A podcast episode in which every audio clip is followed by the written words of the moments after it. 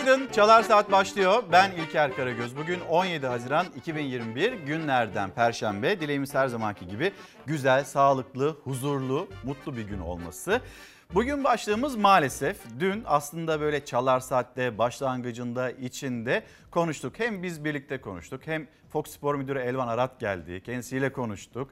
E, Bakü'deyiz dedik. Galler karşısında tamam ilk maç kötü geçti İtalya ile ama bu maçtan çok ümitliyiz ve bu maçı kazanacağımıza da inanıyoruz. Çünkü hani milli takımında harika bir jenerasyonu var. Güzel bir jenerasyon yakalandı ve Galler'i yenersek sonrasında İsviçre'yi de yenersek biz bu gruptan çıkarız demiştik. Ama öyle olmadı. Maalesef yenildik. İyi bir performans da sergilenemedi açıkçası. Bugün başlığımızı aslında spor dünyasından bulduk ama hayata dair de maalesef dediğiniz konular vardır mutlaka. İşte Instagram'dan, Twitter'dan ben başlığımızı paylaştım. Maalesef hala atanamadık diyen arkadaşlarımız var mesela. Onlar kendi durumlarını anlatıyor. Siz hayatınızda ne yaşıyorsanız bu başlık altında bize yazıp gönderebilirsiniz. Bugünkü ilk haberimiz, ilk başlıklarımız gazeteler aslında spor gazeteleri. Ve ne oldu? İsterseniz hemen bir dün akşam ne olduğunu paylaşalım. Fanatik gazetesi böyle mi olacaktı? En iyi jenerasyonumuzla gittiğimiz Euro 2020'de iki maçta sıfır çektik, gol atamadık. İşimiz mucizeye kaldı. Şimdi kendi göbek bağımızı kendimiz maalesef kesemedik ve dün Galler karşısında etkili bir oyunda ortaya koyamadık.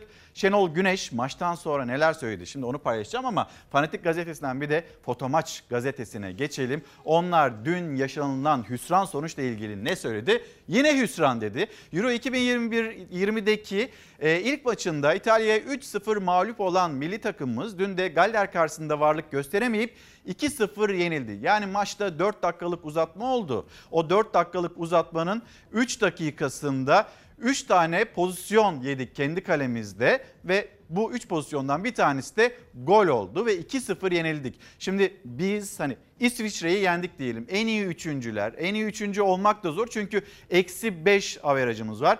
Gerçekten işimiz mucizelere kaldı. Maçın ardından Şenol Güneş kameraların karşısındaydı. Sorumlusu benim dedi. Çocuklarda bir suç, kusur aramayın dedi ve bütün sorumluluğu üstlendi. Bu turnuva için e, uzun süre hayaller kurduk. İyi oyunla, iyi sonuçta buradan çıkacağımızı düşünüyorduk ama kötü bir başlangıç İtalya maçıyla. Bu maçın da ilk 25-30 dakikasına yansıyarak olumsuzdu. Ondan sonra oyuna ortak olduk. Oyunu da kontrol elimize geçirdik fakat e, uzun atılan defans arkasını topla yediğimiz gol sırası rakibin direnci arttı. Biz e, kazanmayı düşünürken beraber bile kalamadık. Yani zaten işin sorumlusu benim. Kaybetmeyeni yani oyuncuları görevli, oyuncuları sorumlu olarak görmek doğru değil. Onlar kendi görevlerinden sorumlu. Eğer bunu soruyorsanız e, oyunu skoru iyi değilse sorumlusu benim. Ben takımın olabilecek en iyi şekilde çıkardım. İlk maça göre işte olumsuz olan yani takımın tümü olumsuzdu ama Okay ve e, Ozan'dan bugün daha iyi oyun bekliyordum. Olmayınca onları değiştirdim. iki orta saha. Bu sefer daha e, yaratıcı oyuncular öne koyarak arkasında da bir kesici yani zaman zaman üçlüye dönecek şekilde Kaan'ı iki stoperle oynattım. Bu Ozan da olabilirdi. Merit de. Merit daha bu konuda hazır diye düşündüm. Çağlar da iyi. Yani onun takımın mağlubiyetinin bir oyuncu ve diğer iki oyuncuyla değildi. Tamamına bakmak lazım. Sorumlusu benim dedi Şenol Güneş ve işin özeti maalesef kazanamadık. Şimdi e, sizlerden gelen mesajlar da var. Günaydınlarımızı iletelim. Kemal Bey yazmış. E, Soma faciasında geciken adalet maalesef ve dün e, karar açıklandı. CHP Milletvekili Grup Başkan Vekili Özgür Özel o karardan sonra kameraların karşısına geçti. Gözyaşlarıyla bu karara isyan etti. Soma'da yitirilen her can için sadece sorumluları 6 gün yattı. 6 gün cezaevinde kaldı. Konuşacağımız konulardan bir tanesi bu. Foto maçtan hemen savaştan bir rica edeyim. Hürriyet gazetesi. Hürriyet gazetesinin manşeti helal olsun Türkiye. Şimdi bu manşet aşıya dair ve keşke keşke Millilerimiz kazansaydı da helal olsun Türkiye, helal olsun bizim çocuklar da diyebilseydik. Böyle bir manşeti onlar için de kullanabilseydik ama maalesef olmadı. Aşı karşıtlığının propagandalarına rağmen günlük aşılamada rekor üstüne rekor kırılıyor. Türkiye son bir haftadır Dünya Aşı Ligi'nde en başarılı ülkelerden biri haline geldi. İşte bu başarının nedenleri şimdi en başarılı ülkelerden birisi haline geldi. En başarılısı da olabiliriz. Çünkü her yeni günde yeni yeni rekorlar kırılıyor. Bizim böyle bir potansiyelimiz olduğunu e, biz biliyorduk, uzmanlar biliyordu. Sağlık Bakanı söylüyordu. Yeter ki elimizde aşı olsun diyordu. Şimdi elimizde aşı var ve hani aşı karşıtları, onların propagandaları, onların çok etkili olmadığı da bir aşı karşıtlığı değil de bir aşı ile ilgili kafa karışıklığı olduğu daha fazla dillendiriliyordu. Şimdi o aşı ile ilgili kafa karışıklığı da yavaş yavaş insan insanların zihninden dağılıyor. Sağlık Bakanlığı aşıda ortaya çıkan tedarik sorununu çözdü. BioNTech'le 120 milyon dozluk anlaşma yaptığı aşıları hemen teslim alan bakanlık hızla vatandaşlara uygulamaya başladı. Vatandaşlar da gelen aşılara ilgisiz kalmadığı aşı karşıtlarının itirazlarına rağmen aşı olmak için hastanelere akın etti. Aylardır özveriyle çalışan sağlık personeli aşılamada da aynı performansı gösterdi. Aşı olmak için gelenleri randevusuz bile olsalar geri çevirmedi. Türkiye'de yapılan aşı miktarı dün 37 milyonu aştı. Bu rakam Türkiye'yi aşı liginde 11. liğe yükseltti. En yakın ülke olan İspanya'ya 3 milyon fark attı. Ellerine sağlık Sabire Hemşire. Hemen onu da okumak istiyorum. İzmir'den hemşire Sabire Elen sosyal medyada bir günde 224 kişiye aşı yaptığını yazdı Sağlık Bakanı Koca. Bu paylaşımı aşı yapan ellerinize sağlık. Bu fedakarlıklar unutulmayacak notuyla paylaştı. En başından beri öyle söyleniyor bu fedakarlıklar unutulmayacak diye ama bugüne kadar bu gösterilen fedakarlıklarla ilgili sağlık personelinin istedikleri özlük hakları işte ne bileyim ek göstergeler 3600 meselesi bunların hiçbir yerine gelmedi. Sözde kalmasın ama bugüne kadar maalesef hep sözde lafta kaldı. Hürriyet gazetesini tamamladıktan sonra seçtiğimiz başka haberler var ama yine bizim akışımıza göre sizin ekranlarınıza getireceğimiz konulardan bir tanesi. Tek devlet çift maaş bunu lütfen konuşalım. Yani maalesef bu ülkede ekonomik bir sıkıntı yaşanıyor. Ama birileri de Sözcü gazetesi onlara altın bürokratlar diyor. Kamuda güzel güzel maaşlarla hatta Cumhurbaşkanı'nın aldığı maaştan bile fazla maaşlarla güzel bir hayat sürüyor. Ama bu ülkede yaklaşık 5 milyon işsiz var. TÜİK'in rakamlarına göre. Ya da enflasyon çok yüksek, çiftçinin durumu ortada, esnafın durumu ortada. Ama birileri nasıl başlarını yastığa bu kadar rahatça koyabiliyorlar bilemiyoruz, anlayamıyoruz. Ama birileri harika bir hayat sürmeye devam ediyor. Peki bu kişiler çoğunlukta mı? Asla değil. Bunu konuşalım. Yine konuşacağımız konulardan birisi. Türkiye'de milyonlarca işçi, memur, asgari ücretli, salgınla daha da zorlaşan ekonomik koşullarda geçinmeye çalışırken bürokratların 2-3 maaş alması vicdanları kanatıyor. Buna itiraz edenlerden birisinin de Mehmet Metiner, AK Parti cephesinden Mehmet Metiner olduğunu söylemiştik. Devlette tek maaş alan kalmamış dedirten tablo adalet duygusunu yok ederken hem adalet duygusunu yok ediyor hem de iş barışını da yok ediyor onu da söyleyelim. Çarpıklığa karşı toplumun her kesimini rahatsız eden bu yozlaşmaya artık bir dur denilmeli çağrıları yükseldi. İşçi ay sonunu getiremiyor bürokrat 81 bin lira alıyor. Gençlerin işsiz kalmasının bir nedeni de imtiyazlılar yani o kadar değerliler, o kadar kıymetliler ki size bir iş yetmez. Yetmiyor. Size bir günde 24 saat yetmiyor belli ki. Orada çalışıyorsunuz, orada çalışıyorsunuz. Huzur hakkı vesaire, yönetim kurulları ve nasıl bir fırsatlar ülkesiymiş Türkiye. Sağ olun bizlere hepsini çok net bir şekilde altın bürokratlar Sözcü gazetesinin deyimiyle gösteriyorlar. Şimdi efendim küçük çekmeceye gideceğiz. Geceden bir haber paylaşacağız. Bir ambalaj üretim fabrikası gece yarısı alev alev yandı. Onun görüntüleri.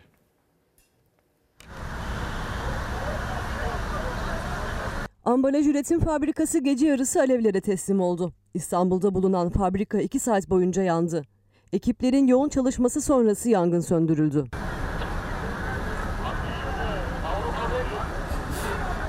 Havadan çekilen görüntüler yangının büyüklüğünü gözler önüne serdi. 7000 metrekarelik alanda yer alan ambalaj üretim fabrikasında çıkan yangın rüzgarın da etkisiyle hızla yayılmaya başladı. Yangın bölgesine çevre ilçelerden birçok su tankeri gönderildi. Ekipler yangına dört koldan müdahale etti.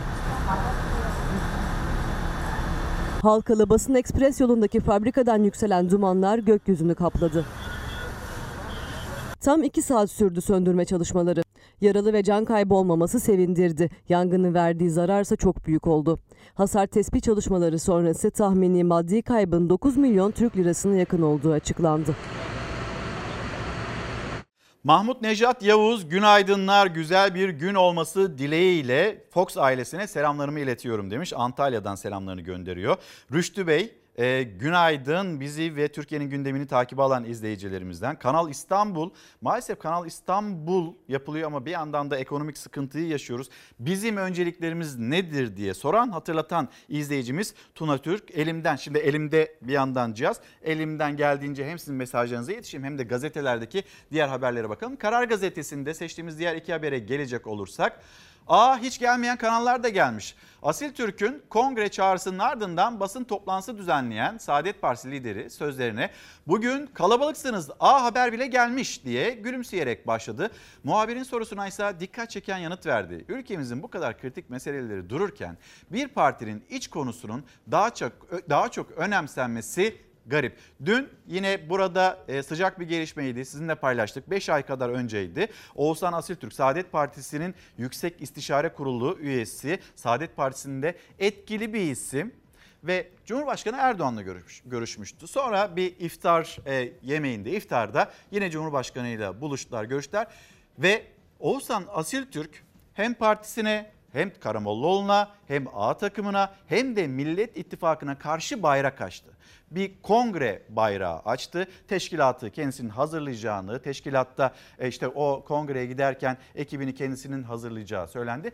Cumhur İttifakı'na daha yakın duran bir isim Saadet Partisi'nde. Peki etkili mi? Yani bu kongreye girse yarışı kazanabilecek isimlerden birisi mi? Mehmet Ali Kulat hani böyle Ankara'da siyasetin kulislerini, nabzını iyi tutan isimlerden birisi öyle olmadığını söylüyor. Tabii bu yarış nasıl sonuçlanır onu bilemiyoruz. Böyle bir kongre süreci ne zaman nasıl gerçekleşecek bunun bir takvimi var. Ama Temel Karamollaoğlu'nun parti içinde çok daha etkili olduğunu söylüyor kendisi. Cumhurbaşkanı ile 5 ay önceki görüşmesi gündem olan Saadet Partisi Yüksek İstişare Kurulu üyesi Asil Türk'ten kongre hamlesi geldi. Sosyal medyada olağanüstü kongre çağrısında bulunan Asil Türkiye, Saadet Partisi sözcüsü bir olaydın. Partinin yetkili kurulları belli, kongre kararının nasıl alınacağı ise tüzükte yazılı karşılığını verdi. Saadet Partisi lideri Karamollaoğlu da parti meselelerimizi kamuoyunda tartışmamakta kararlıyım. O açıklamalar Oğuzhan Bey'i bağlar kendisiyle görüşeceğiz ifadelerini kullandı. Evet bu siyasette şaşırtan bir çıkış oldu. Ya da hani çok da şaşırtan demeyeyim de hani Cumhurbaşkanı Erdoğan'la görüşmesinden sonra Oğuzhan Asil Türk'ün bir adım ya da bir hamle yapacağı belliydi. Dün akşam yaptı. Dün gün boyu konuşuldu. Şimdi belli ki soğumaya bırakıldı Saadet Partisi'nde. Karar Gazetesi'nde seçtiğimiz bir başka başlıkta hemen onu da aktaralım. Bu sorular hala cevapsız. Ziraat Bankası'ndan kullanılan 750 milyon doların akıbeti ne oldu? Sedat Peker'den aylık 10 bin dolar alan siyasetçi kim? Şimdi bunu Süleyman Soylu İçişleri Bakanı söyledi ve Meclis Başkanı Mustafa Şentop bütün meclis, siyaset, siyaset dünyası, işte milletvekilleri herkes zan altında. Kimse bu açıklanmalı demişti. Süleyman Soylu savcı çağırsın her şeyi söyleyeceğim dedi. Savcı çağırmadı ama Süleyman Soylu Mustafa Şentop'a gitti meclis başkanına makamda ziyaret etti. Ve yine kulislere göre evet artık Mustafa Şentop da o 10 bin dolar 85 bin lira ya da 86 bin lira kur her gün değişiyor zaten o parayı alan, düzenli olarak alan siyasetçinin kim olduğunu biliyor. Peki şimdi Mustafa Şentop bununla ilgili ne yapacak? Ne demişti yine Cumhurbaşkanlığında görev alan etkili isimlerden. E, önceki dönemlerde Adalet Bakanlığı yapmış bir isim Cemil Çiçek. Ya biz bunları görmezden gelebilir miyiz? Araçların bagajlarında böyle balya balya paralar, çanta çanta paralardan söz ediliyor. Biz bunları görmezden gelebilir miyiz demişti. Şimdi öyle bir yükseliş, öyle bir cümle kuruldu. Şimdi e, karşılaştığımız durumda Süleyman Soylu gitti e, Şentop'a kim olduğunu söyledi kulislere göre. Ama biz biliyor muyuz kim olduğunu net olarak? Hayır bilmiyoruz. 10 milyon euro Ankara'da kime gidecekti? CHP lideri Kılıçdaroğlu dillendirmişti. İşte bir gazeteci Habertürk gazetesinden Veys Ateş 10 milyon euro telefon kayıtları ve yine e, orada bu telefon kaydını tutan kişiye götür bu kaydı savcılığa ver çağrıları. Bir sürü konu konuşuluyor. Her gün yeni bir konuyu konuşuyoruz ama sonucunu bilmiyoruz. Konuşacağız ama yine. Karar Gazetesi'nden şöyle bir Milliyet Gazetesi'ne geçelim. Maalesef denizlerimizde durum hiç iç açıcı değil. Belki yüzeyi kurtarmaya çalışsak da aslında denizin derinliğinde 25-30 metre derinliğinde problem çok daha büyük. Denizde ölüm gazı. Ne oldu? Gökhan Karakaş'ın haberi, özel haberi. Deniz salyası felaketine çözüm için Marmara'ya açılan uzmanlar Çınarcık Çukuru'nun 750 metresinde ölümcül hidrojen sülfür tespit etti. 4 aydır Marmara Denizi'ni etkisi altına alan deniz salyasına çözüm yollarına çözüm yolları arayan bilim insanları Açık Deniz'de son seferi Türkiye'nin en büyük ve donanımlı araştırma gemisi Alemdar 2 ile yaptığı e, yaptı. Milliyetin de eşlik ettiği seferde gemi Beykoz'dan sonra 1270 metre derinliğindeki Çınarcık çukurundaki istasyona yöneldi ve burada 750 metre derinden alınan suda çürük yumurta kokusu saptandı. Profesör Doktor Nuray Çağlar çözünmüş oksijenin normal değerin altında olması bizi tedirgin ediyor. Karşımıza hidrojen sülfür çıktı. Yaşamı yok edecek çözünmüş gaz tespit edildi dedi. İşte durum bu kadar önemli, bu kadar ciddi ve maalesef Marmara Denizi'nde durum böyle. Bugünden itibaren aslında dünden hatta daha önceki hatta yıllar öncesinden atılması gerekiyordu o adımlar ama artık hani geçti olan da oldu. Bugünden itibaren çözüm bulunması gerekiyor.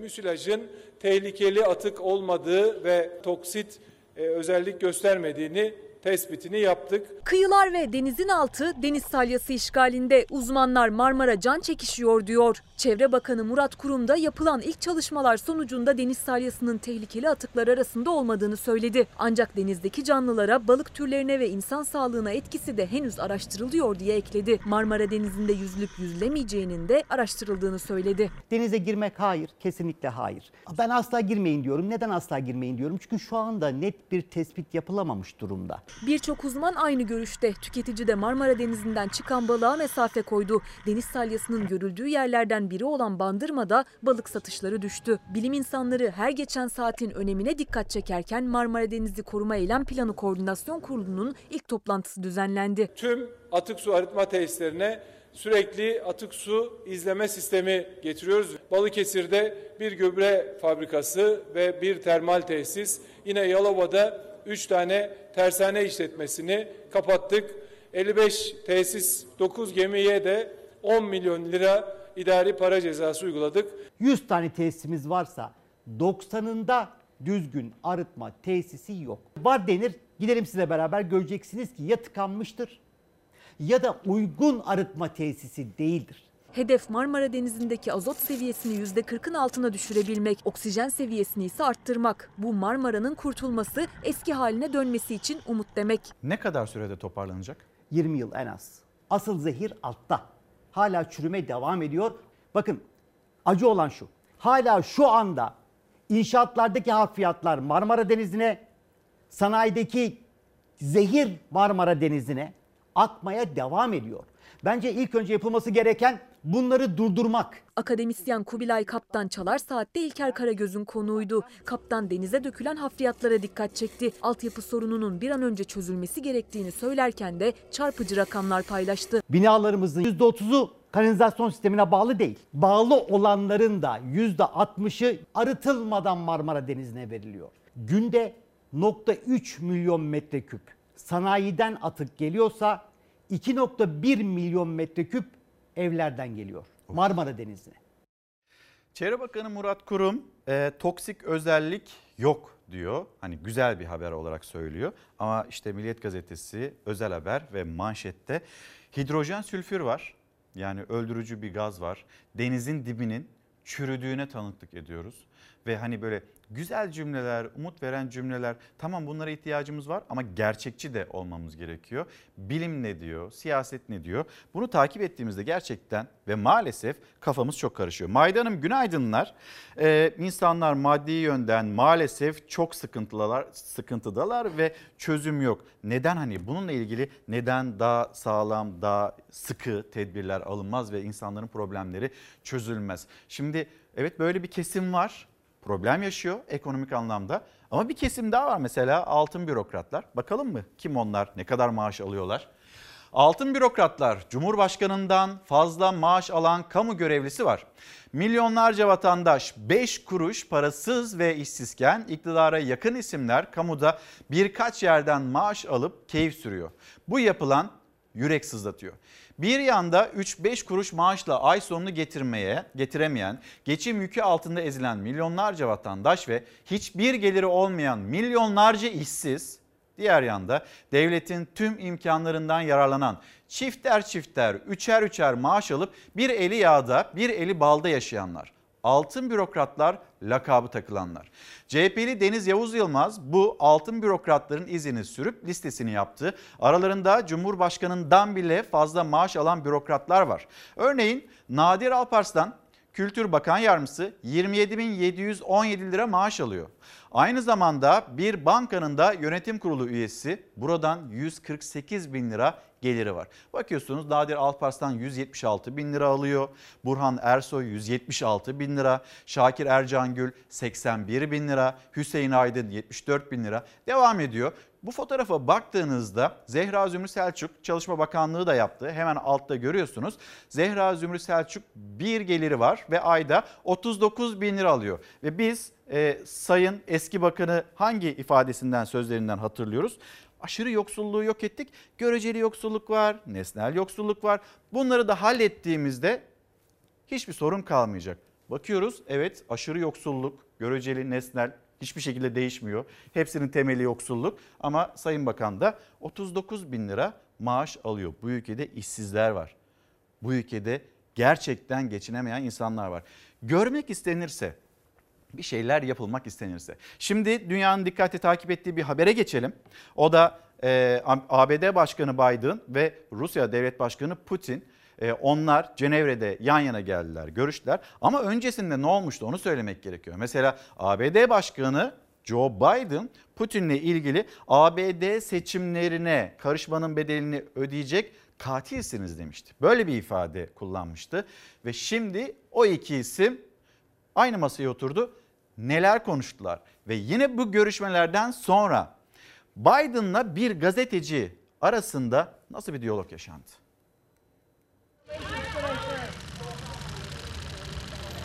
Amerika-Rusya ilişkileri en zorlu dönemlerinden birini yaşarken iki ülke lideri Cenevre'de bir araya geldi. Biden ve Putin büyükelçilerin göreve dönmesi konusunda anlaştı. 4 saat süren görüşme için Putin yapıcı Biden olumlu dese de iki ülke arasında soğuk rüzgarlar dinecek gibi görünmüyor. Öte yandan Biden'ın basın toplantısı sırasında bir muhabiri terslediği anlar gündem oldu.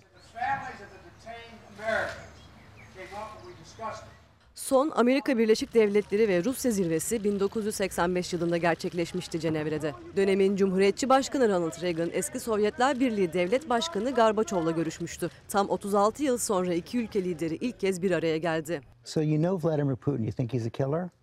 Mm-hmm. I do. So what price must he pay? Amerikan istihbaratı Moskova'yı başkanlık seçimlerine karışmakla suçlayınca ipler daha da gerildi. Biden Putin'e katil benzetmesi yaptı. Seçimlerimize karıştığı için bedel ödeyecek dedi. Cenevre'deki görüşme sonrası basın açıklaması yapan Putin'e katil benzetmesine cevap verip vermediği soruldu. Putin, Amerika Birleşik Devletleri'nde her gün insanlar ölüyor. Afganistan'da tek bir saldırıyla yüzlerce kişi ölüyor diyerek Biden'a yanıt verdiğini söyledi.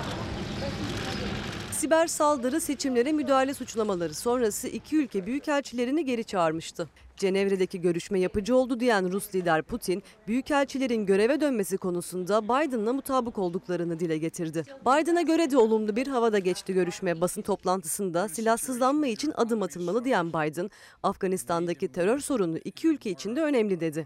Putin'i siber saldırı dahil birçok konuda suçlayan Biden görüşme sonrası Putin için soğuk savaş aradığını sanmıyorum dedi.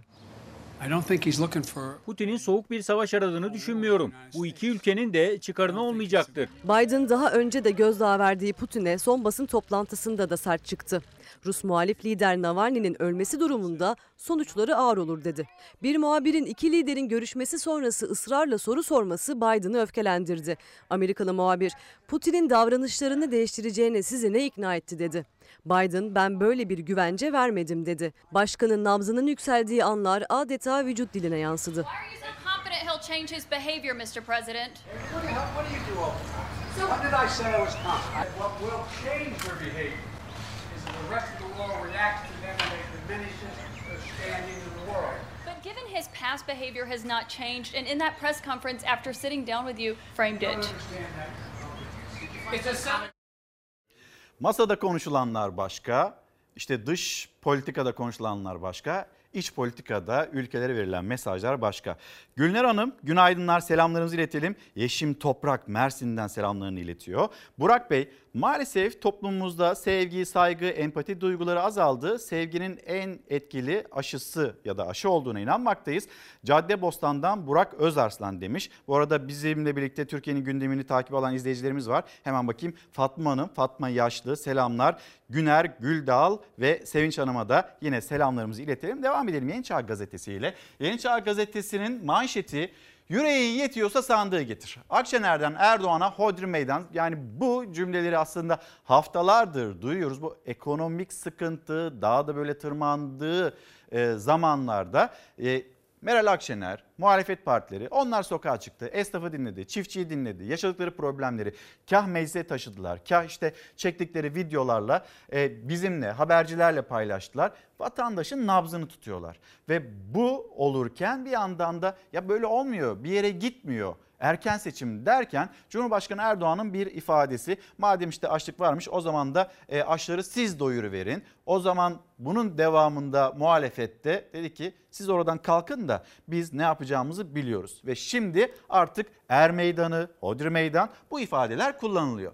Vatandaşın feryadını açları da siz doyurun diyerek alay konusu yapıp muhalefete havale eden Erdoğan iktidarının halka verecek bir şeyi kalmadığını söyleyen İyi Parti lideri Akşener sandığı getir milletimiz ne yapacağını bilir dedi. Peki bu sandık gelecek mi? Yakın zamanda böyle bir şey olur mu? Kulislerde ne konuşuluyor?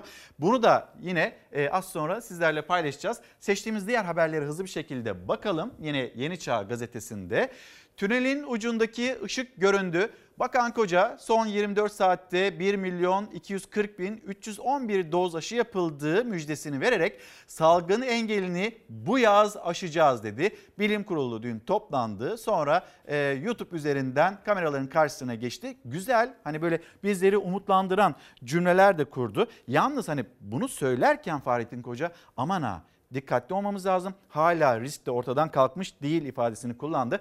Bu arada ee, Savaş senden bir rica etsem Türkiye'nin günlük tablosunu da paylaşalım. Neden? Çünkü Sağlık Bakanı Fahrettin Koca umut veren cümleler kurarken bunu paylaşırken aynı zamanda Türkiye'de vaka tablosuna baktığımızda yine günlük vaka sayılarının arttığını görüyoruz. 227.163 test yapılırken vaka sayısı hani 5000 hedef vardı ya bir kez daha hatırlatalım. 6221 hasta sayısı hastanelerde tedavi görenlerin sayısı 548. Vefat edenlerin sayısı 71. Erişkin yoğun bakımlardaki o servislerdeki e, azalmaya tanıklık ediyoruz belki %60.2 seviyesinde ama bitmiş değil, salgın bitmiş değil ve aşılama noktasında çok hızlı, çok başarılı bir şekilde de ilerleniyor. Emeği olan, emeği geçen ve özellikle sağlık personelimiz hepsini tebrik ediyoruz. Sağ olun, iyi ki varsınız, minnettarız. Hakkınız ödenmez. En azından biz söyleyelim zaten hakkınızı ödemeyenler var ama biz en azından içten, gönülden hakkınız ödenmez diyelim. Ve Sağlık Bakanı Fahrettin Koca'nın mesajları. Aziz vatandaşlarım, bugün huzurlarınızda son günlerde sizlere güzel haberler vermiş olmanın huzuru ile bulunuyorum.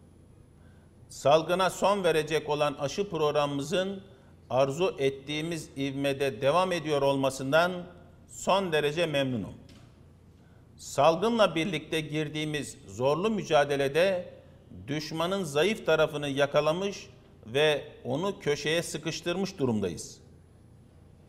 Aşı programımız mücadele üstünlüğünü bize kazandırdı. Sağlık ordumuz gücünü hastalarımızı tedavi etmekten vatandaşlarımızı koruyacak olan aşı programına kaydırmış durumda. Son atak aşı ile zaferi getirecek. Son bir hafta içinde aşılarımızı çalışma hayatı, eğitim hayatı, sanat ve kültür hayatından pek çok meslek ve yaş grubundan insanlarımızın erişimini açtık. Yarın itibariyle 35 yaş üzerindeki tüm vatandaşlarımız için de aşı randevularını açıyoruz. Birinci dozda yaklaşık 23 milyon, ikinci dozda 14 milyon olmak üzere toplam uyguladığımız doz sayısı 37 milyonu buldu. Bu yaz sadece maskelerin yüzümüzü terlettiği son yaz olmayacak. Aynı zamanda salgın haberlerinden kurtulduğumuz son yazda olacak. Hepimiz sevdiklerimizle aramızdaki mesafeden kurtulacağız. Aşılanmış nüfusumuzu arttırmak ne kadar önemliyse vaka oranlarımızı hızlı şekilde azaltmak da aynı derecede önemli. Covid-19 bulduğu imkanları değerlendirme gücünü hala koruyor. Normalleşmede kontrolü kaybettiğimiz zaman varlığını vaka tablolarına yansıtacağını biliyoruz. Vaka, hasta, ağır hasta, vefat oranlarımız tedrici olarak düşüyor. Ancak halen aktif 80 binden fazla vakamız olduğunu göz ardı edemeyiz.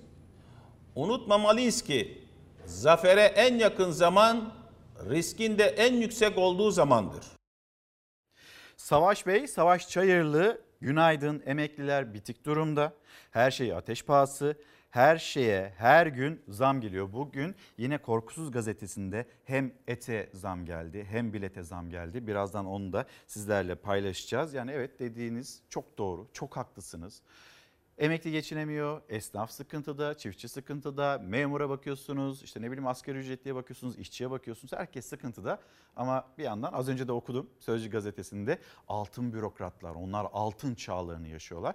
Orada bir problem yok. Ama maalesef vatandaşta bu problem çok ciddi bir şekilde. Fahrettin Koca yine sosyal medya üzerinden 1 milyonuncu doz onu hatırlattı. 1 milyonuncu doz aşının yapılış anı. Yer Kocaeli Darıca Farabi Eğitim ve Araştırma Hastanesi saat 16.53. Aşıyı yapan sağlık personeli Enis Akdeniz, sorumlu hekim Ömer Faruk Aşçı, geçmiş olsun Kıymet Bey bir de fotoğrafı vardı. Omuzunuzdaki bandı çıkarmayı unutmadınız değil mi? Bir de hani böyle güzel e, bir gönderme bir şakayla aslında 1 milyonuncu doz aşının saat işte 16.53'te yapıldığını hangi ekip tarafından yapıldığını söylüyor. Yalnız bu kadar bilgiye hakim iken Sağlık Bakanlığı bir yandan da konunun uzmanlarının erişmek istediği ya da ne bileyim bu konuyla ilgili daha ileri istatistiksel çalışmalar yapmak istekleri vardı. Ve onlar da bir soru sordular Sağlık Bakanı'na. Mesela Güçlü Yaman aşının yapıldığı dakikadan sorumlu hekimin kim olduğuna kadar tüm verilere anında ulaşılabiliyor. Buna rağmen aşının hangi yaş grubuna, ne kadar yapıldığı, gerçek koruyuculuk oranı, COVID-19 vaka ve ölümlerinin yaş grupları gibi en temel verileri bizden gizliyorlar.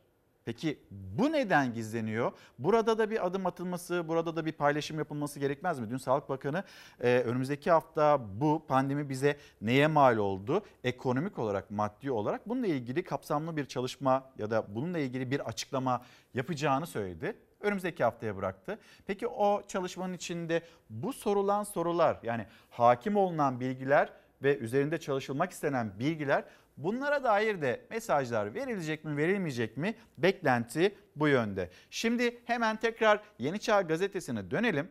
Meral Akşener'in çağrısı erken seçim işte muhalefet diyor Cumhurbaşkanı'na siz o koltuktan kalkın da biz gereğini yaparız. Bu ülkede yoksullar varsa o yoksullara ulaşabilmek adına biz elimizden geleni yaparız diyor. Cumhurbaşkanı Erdoğan yine onun kurmuş olduğu ya da ekonominin direksiyonunda olanlar var. Onların kurmuş olduğu ifadeler var. Bir de hani rakamlar ne söylüyor? Söyleyebildiği kadarıyla ne söylüyor?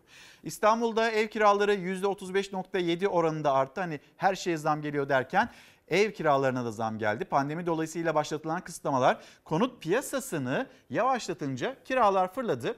Yapılan araştırmada yıllık kira artışı Ankara'da %20.3 ve İzmir'de %21.8 oldu. Kiralık konut ilan metrekare fiyatı İstanbul'da 27.1, Ankara'da %13.1, İzmir'de ise %19.1. Aa düzeltiyorum. Yani bu yüzde değil. İstanbul'da 27.1, Ankara'da 13.1, İzmir'de ise 19.1 TL olarak gösterildi. Gelelim hemen yan tarafındaki haber. Başkentte bir ayda 228 esnaf kepenk kapattı. CHP'li Nihat Yeşil esnafın e, direnecek gücünün kalmadığını söyledi. Yeşil Mayıs'ta Türkiye genelinde 3893 Ankara'da ise 228 esnafın kepenk indirdiğini belirterek salgının başında çekilen krediler duruyor. Esnaf o kredileri çevirmek için kredi çekecek duruma geldi. Çok uzun süredir de böyle bir durumun içindeydi. Muhalefet milletvekilleri tekrar sokaktan hem iş, esnafın durumunu hem çiftçinin durumunu onların nabzını tuttu. Aktaralım.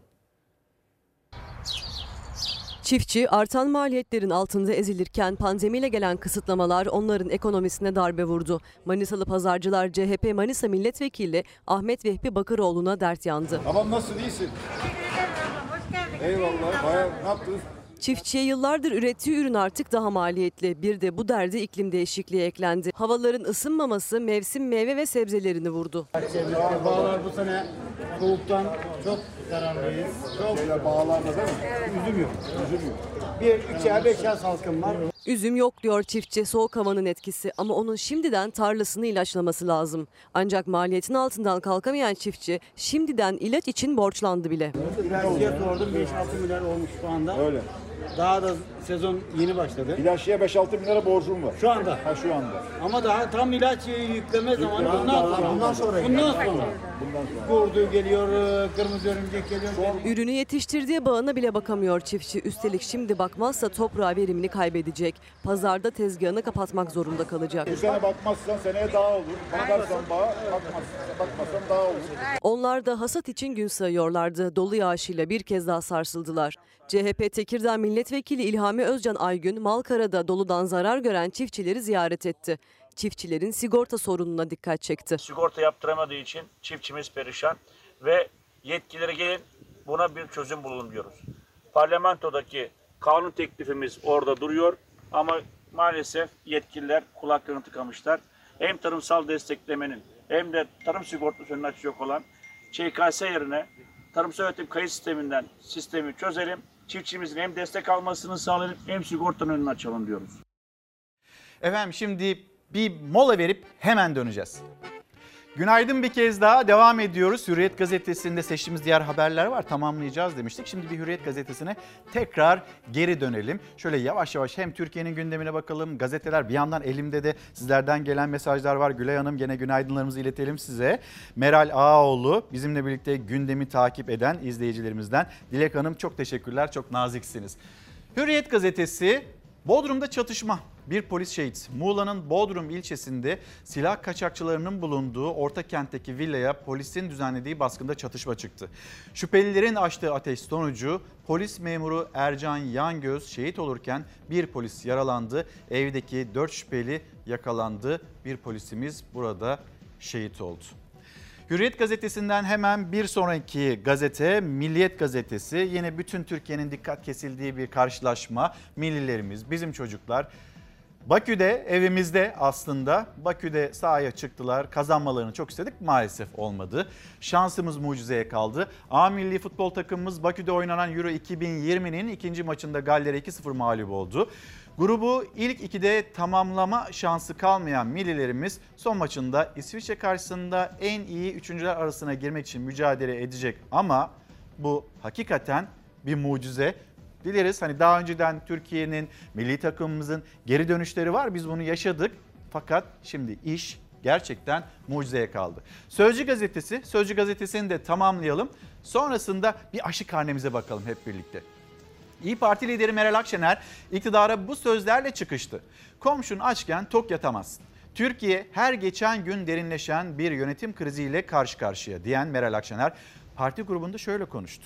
Bütün mesele memleketi yönetenlerin ülkenin zenginliğini kimin için kullandığı. Milleti için mi yoksa o 5 müteahhit için mi? 5 maaşlı kifayetsiz danışmanları için mi? Eşi, dostu, akrabası için mi kullandığı? Mesele tercih meselesi. Dün kimsesizlerin kimsesiz diyerek iktidara gelenler bugün aç olanları da buyurun siz doyuru verin diyor.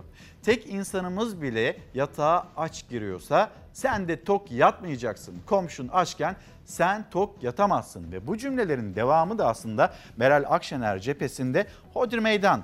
Hemen gidelim erken seçim olsun. Kurun sandığı. Bakalım vatandaş size hala güveniyor mu? Bir güven oyu alın bakalım vatandaştan. Böyle mesajlar geldi. Şimdi aşılamayla ilgili bir haber dedim ama Savaş senden bir rica etsem. E, Cumhurbaşkanı Erdoğan'ı Bakü'de şaşırtan bir açıklama oldu. Şimdi muhalefet cephesine baktığımızda hani beşli çete olarak ifade ediyor muhalefet cephesi. Ve hani Türkiye'de pek çok mega projeleri onlar alıyor. Cumhurbaşkanı Erdoğan e, orada Azerbaycan'da Aliyev'le temas sırasında Aa, bu yolları kim yaptı diye sorduğunda kendisini şaşırtan bir yanıt verildi. Bu yollar yapılıyor. Müteahhit olarak Azeri kardeşlerimiz mi yaptı? Yok bunları beraber. Burada Colin var, Cengiz var. Ha burada onlar var mı? Evet. Bunlar her yerde var. Yer Azerbaycan Şuşa. Cumhurbaşkanı Erdoğan ve Azerbaycan Cumhurbaşkanı İlham Aliyev arasındaki diyaloğun konusu da üzerinde ilerledikleri otoyol. Konu inşaat olunca ismi geçen şirketler de çok tanıdıktı. Muhalefetin deyimiyle beşli çete olarak adlandırılan şirketler oradaki konsorsiyumda da vardı. Aliyev isimlerini verdi, Erdoğan şaşırdı. Bu yollar yapılıyor. Müteahhit olarak Azeri kardeşlerimiz mi yaptı? Yok bunları beraber. Burada Colin var, Cengiz var. Ha burada onlar var mı? Evet.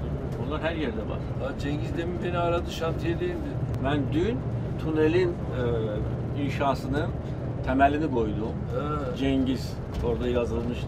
Cengiz, Colin, Kalyonçu, bir de bizim iki şirket. İki lider otobüsle Şuşa'yı gezdikleri sırada Erdoğan buraları kim yapıyor diye sordu. Aliyev tek tek saydı. Türkiye'de sık sık eleştirilerin muhalefetin hedefinde olan ve AK Parti iktidarında neredeyse tüm mega ihalelerde imzası olan şirketlerden ikisi. Bunlardan birisi hatırlarsınız milletin anasına küfretmişti. Adam küfrettikçe aldığı ihale arttı. Ya akıl alacak şey değil. Ne kadar çok millete küfür o kadar fazla ihale veriyorum sana. Ananıza babanıza küfredecekler. Devletin bütün imkanlarını vereceksiniz onlara. Yok bunları beraber. Burada Colin var, Cengiz var. Ha burada onlar var mı? Evet. Bunlar her yerde var. Beşli çete dediğimiz beş kişinin devletin en büyük ihalelerini aldığını biliyoruz. Onlar da kendilerini gayet iyi biliyorlar. Zaten dünya raporlarına geçtiler. Beşli çetenin hortumunu kestiğiniz anda ne öğrencilerin kredi borcu kalır ne çiftçilerimizin. Sadece Türkiye'de değil Azerbaycan'da da önemli projelere ortak oldukları iki liderin diyaloğundan anlaşıldı. Öyle ki sohbet sırasında Erdoğan o şirketlerden birinin patronuyla dakikalar önce telefonla konuştuğunu söyledi. Ha burada onlar var mı? Evet.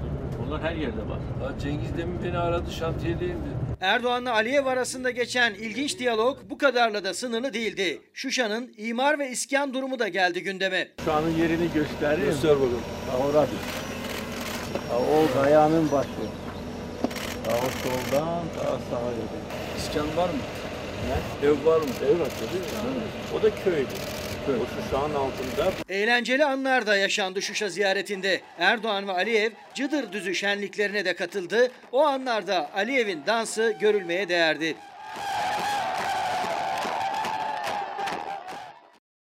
Sinan Bey günaydın. Maalesef Soma ve Çorlu'da adalet hala tecelli etmiş değil. Hakimler değiştiriliyor, bazı sanıklar beraat ediyor. Ulaştırma Bakanları bile adalet arayan e, anne Mısra Öz'ü engelliyor. Memleketimizde maalesef bir adalet arayışı, bir adalet haykırışı var. Baktığımızda gazete Pencere, yine bir gün gazetesinde var, başka gazetelerde de var. Soma kararı ve vicdanları sızlatan bir karar karşımızda. Ağlatan karar, Soma davasında karar çıktı, hukuksuzluk tescillendi. Yargıtay'ın ikinci kararına uyan mahkeme taksirle ölümden ceza verdi. CHP'li Özgür Özel dava sonrası karara gözyaşları içinde tepki gösterdi. Evet oradaki duruşmayı en yakından takip eden isimlerden bir tanesi. Bu facia olmadan aslında Türkiye'yi, siyaseti uyaran kişilerden birisiydi Özgür Özel. Ve bu facia oldu. Sonra bu dava süreci en yakından takip edenlerden birisi ve karar açıklandıktan sonra gözyaşlarını tutamadı. Tabii ki orada aileler, onların acı, yaşadığı acı sürekli ailelerle içe olan bir isimdi ve gözyaşlarıyla bu karara isyan eden bir milletvekili.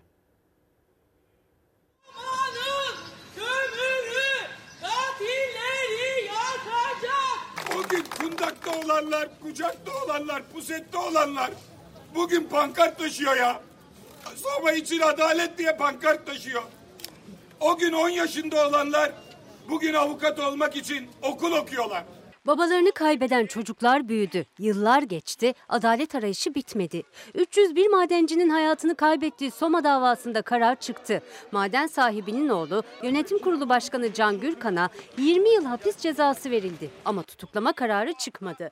Avukatlara göre yeni infaz yazısı ile birlikte cezaları kesinleşse bile birkaç ay cezaevinde yatıp çıkabilecekler. Kararla ailelerle birlikte CHP'li Özgür Özel de gözyaşlarını tutamadı konuşurken sesi titredi. Bugün de yine maalesef Soma'nın kaderi bu, madenlerin kaderi bu, madencinin kaderi bu yine beklenen oldu. Can Gürkan'ı içeride tutamazlardı. Tutsalardı derdi ki mitinginize madenci getiriyorken iyiydi ya derdi. Sizin seçim masraflarınızı karşılıyorken iyi ki ya derdi. 13 Mayıs 2014'te Manisa'nın Soma ilçesindeki kömür madeninde yaşanan katliam gibi maden kazasında 301 işçi hayatını kaybetti. Yakınlarını kaybedenlerin hukuk mücadelesi tam 7 yıldır sürüyor.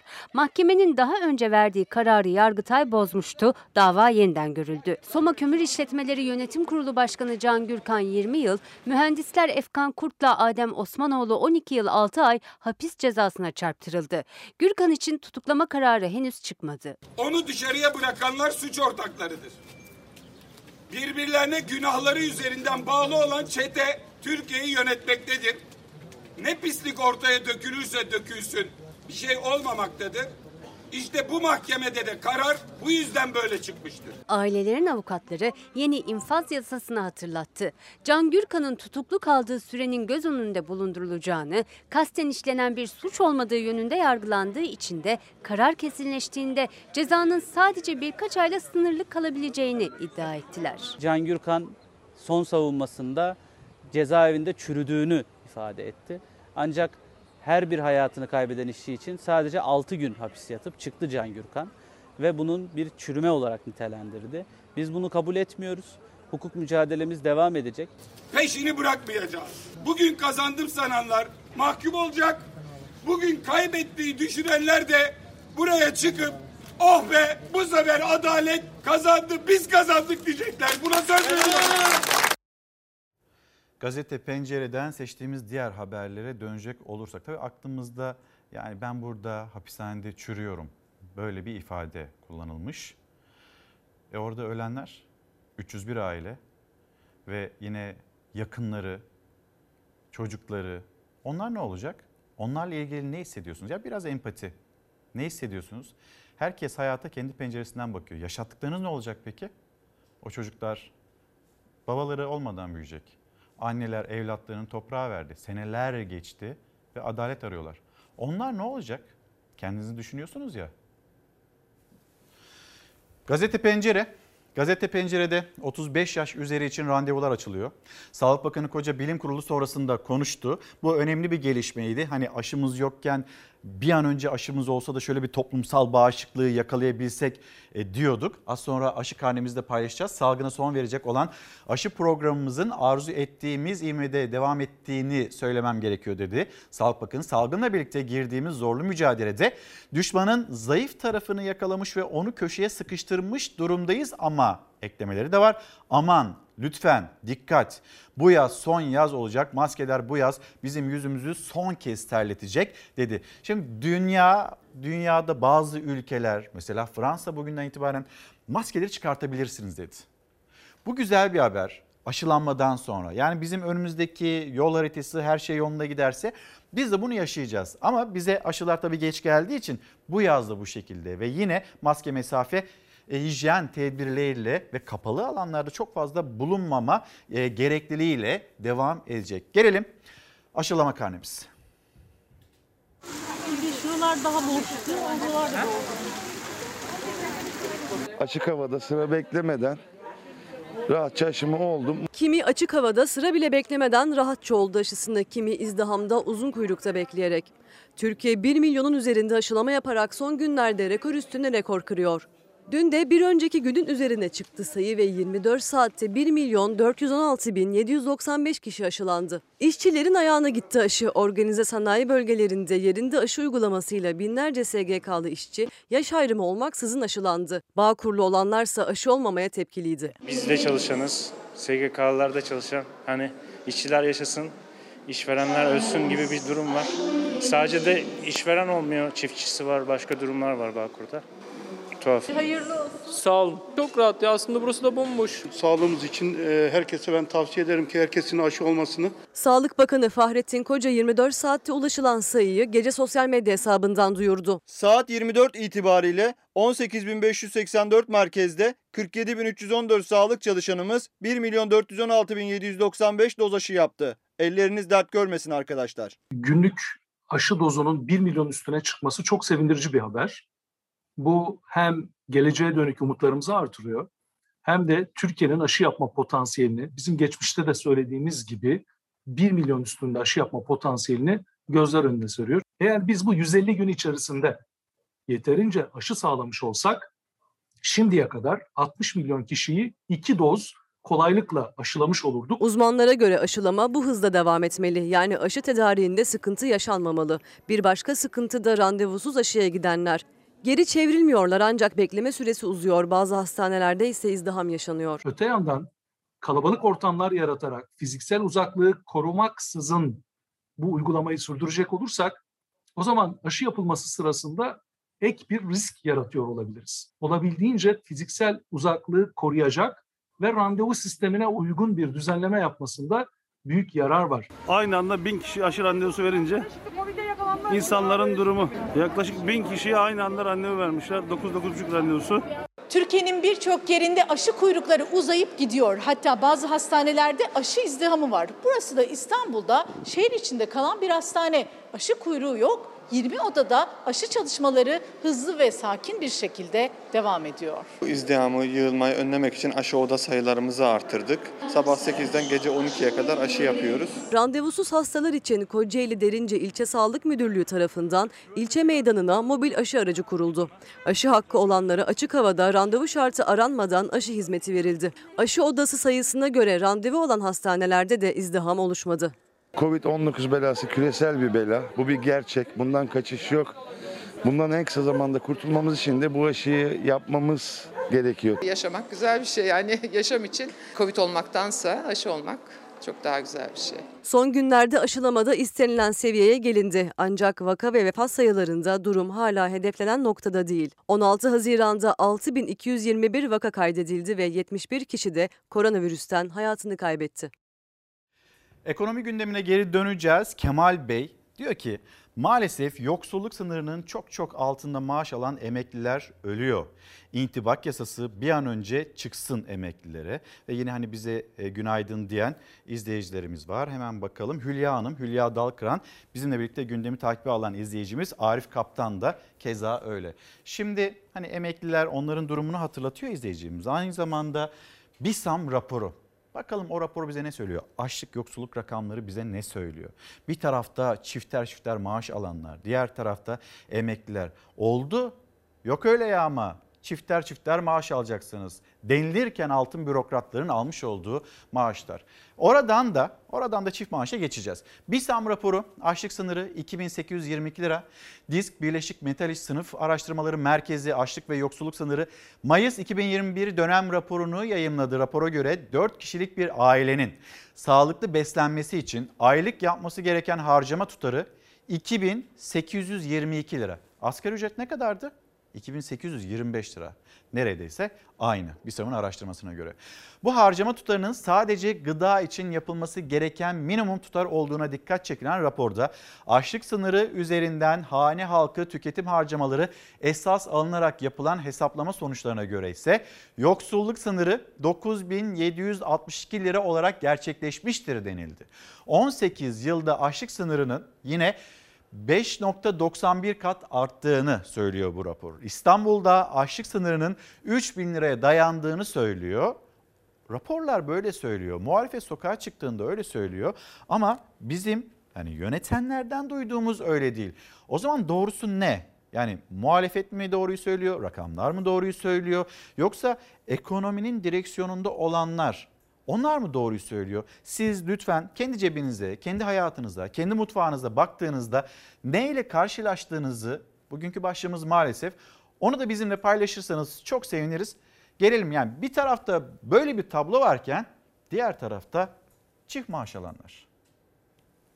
Birisi aç, konteynerlardan çöp topluyor. Sarayi ve beslemeleri dört yerden beş yerden bazen avro bazen dolar üzerinden aylık alıyor. Beş maaşlı danışmanları, damatları, gelinleri, yeğenleri Sayın Erdoğan çiftçi esnaf sizlere verdiği emekleri haram ediyor, haram. Kamuda çifter hatta üçer beşer maaş alanları muhalefet gündemden düşürmüyor. AK Partili bürokratlar birden çok yerden devasa tutarda maaş, prim, ikramiye, ücret, huzur hakkı, kar payı almaya devam ediyor. Bu şirketlerden biri de Türk Telekom. Meclis Genel Kurulu'nda gündem Türk Telekom'un özelleştirilmesiydi. İyi Parti Türk Telekom'un satışında kamu zararı var mı araştırılsın dedi. Komisyon kurulması için önerge verdi. Çifte maaş tartışması da önergenin görüşmelerinde alevlendi. 10 milyar dolar zarara uğrattınız Türkiye. 10 milyar dolar. Bu satıştan, bu alışverişten kimler maddi kazanç sağladı? Kimler komisyon aldı bu işlerden? Türk Telekom Yönetim Kurulu'nun başkan yardımcısı kim? Fuat Oktay. Yiğit Bulut var ve hala da yönetim kurulu üyesi. Adeta AK Parti Türk Telekom'un yönetimine çökmüştür. Yönetim kurullarında yer alan arkadaşlar da dahil bu ülkenin menfaatini, bu ülkenin gelecek hedeflerini gözetmişlerdir. Kamuda birden fazla yerden maaş alanları belgeleriyle gündeme getiren CHP milletvekili Deniz Yavuz Yılmaz bir kez daha Türk Telekom sayfasını açtı. Bakan yardımcılarının aylık maaşı 27.917 lira. Türk Telekom'un ortalama maaşları 33.849 lira. Aylık toplam gelirleri 61.766 lira. Sadece birkaç yerden maaş almıyorlar dedi yönetim kurulu üyeleri için Yavuz Yılmaz. Çifter çifter aldıkları ikramiyeleri de dile getirdi meclis kürsüsünden. Aylık gelirlerinin nasıl 62 bin liraları bulduğunu anlattı. 2021 yılında da 6 maaş ikramiye alacaklar. Nereye baksak yolsuzluk, nereye baksak ihya olan bir yandaş. Timur'un filleri gibiler. Hiçbir şey tanımıyorlar. Bir de alt şirketleri var. Karayolları Genel Müdürü Abdülkadir Uraloğlu, Milli Piyango İdaresi Bekir Yunus Uçar. Bir soygun varsa o soyguna siz sessiz kalıyorsanız ya ahmaklığınızdan yol verirsiniz ya da suçun ortağısınızdır arkadaşlar. Hiçbirisi ahmak da değildir, hırsız da değildir. Ancak kürsüye çıkıp kendinizi tarif ediyorsanız buna da diyebileceğimiz bir şey yok. Eski Ulaştırma Bakanı AK Parti Milletvekili Ahmet Aslan çarpıcı iddialara bu sözlerle cevap verdi. Karşı taarruza geçti ama belgelerle konuşan muhalefetin sert eleştirileri devam etti. SMA hastalarının aileleri bir kuruş daha toplamak için çocuklarının hayatını kurtarmak için çırpınıyor. EYT'liye çift dikiş yaptırmayacağız diyen AK Partili yetkililerin hepsi çift dikiş, üç dikiş maaş almaya, vatandaşın hakkını yemeye devam ediyor. Maaş, prim, huzur hakkı, ikramiye ve bir şekilde bakiyede kabaran paralar, artan maaşlar.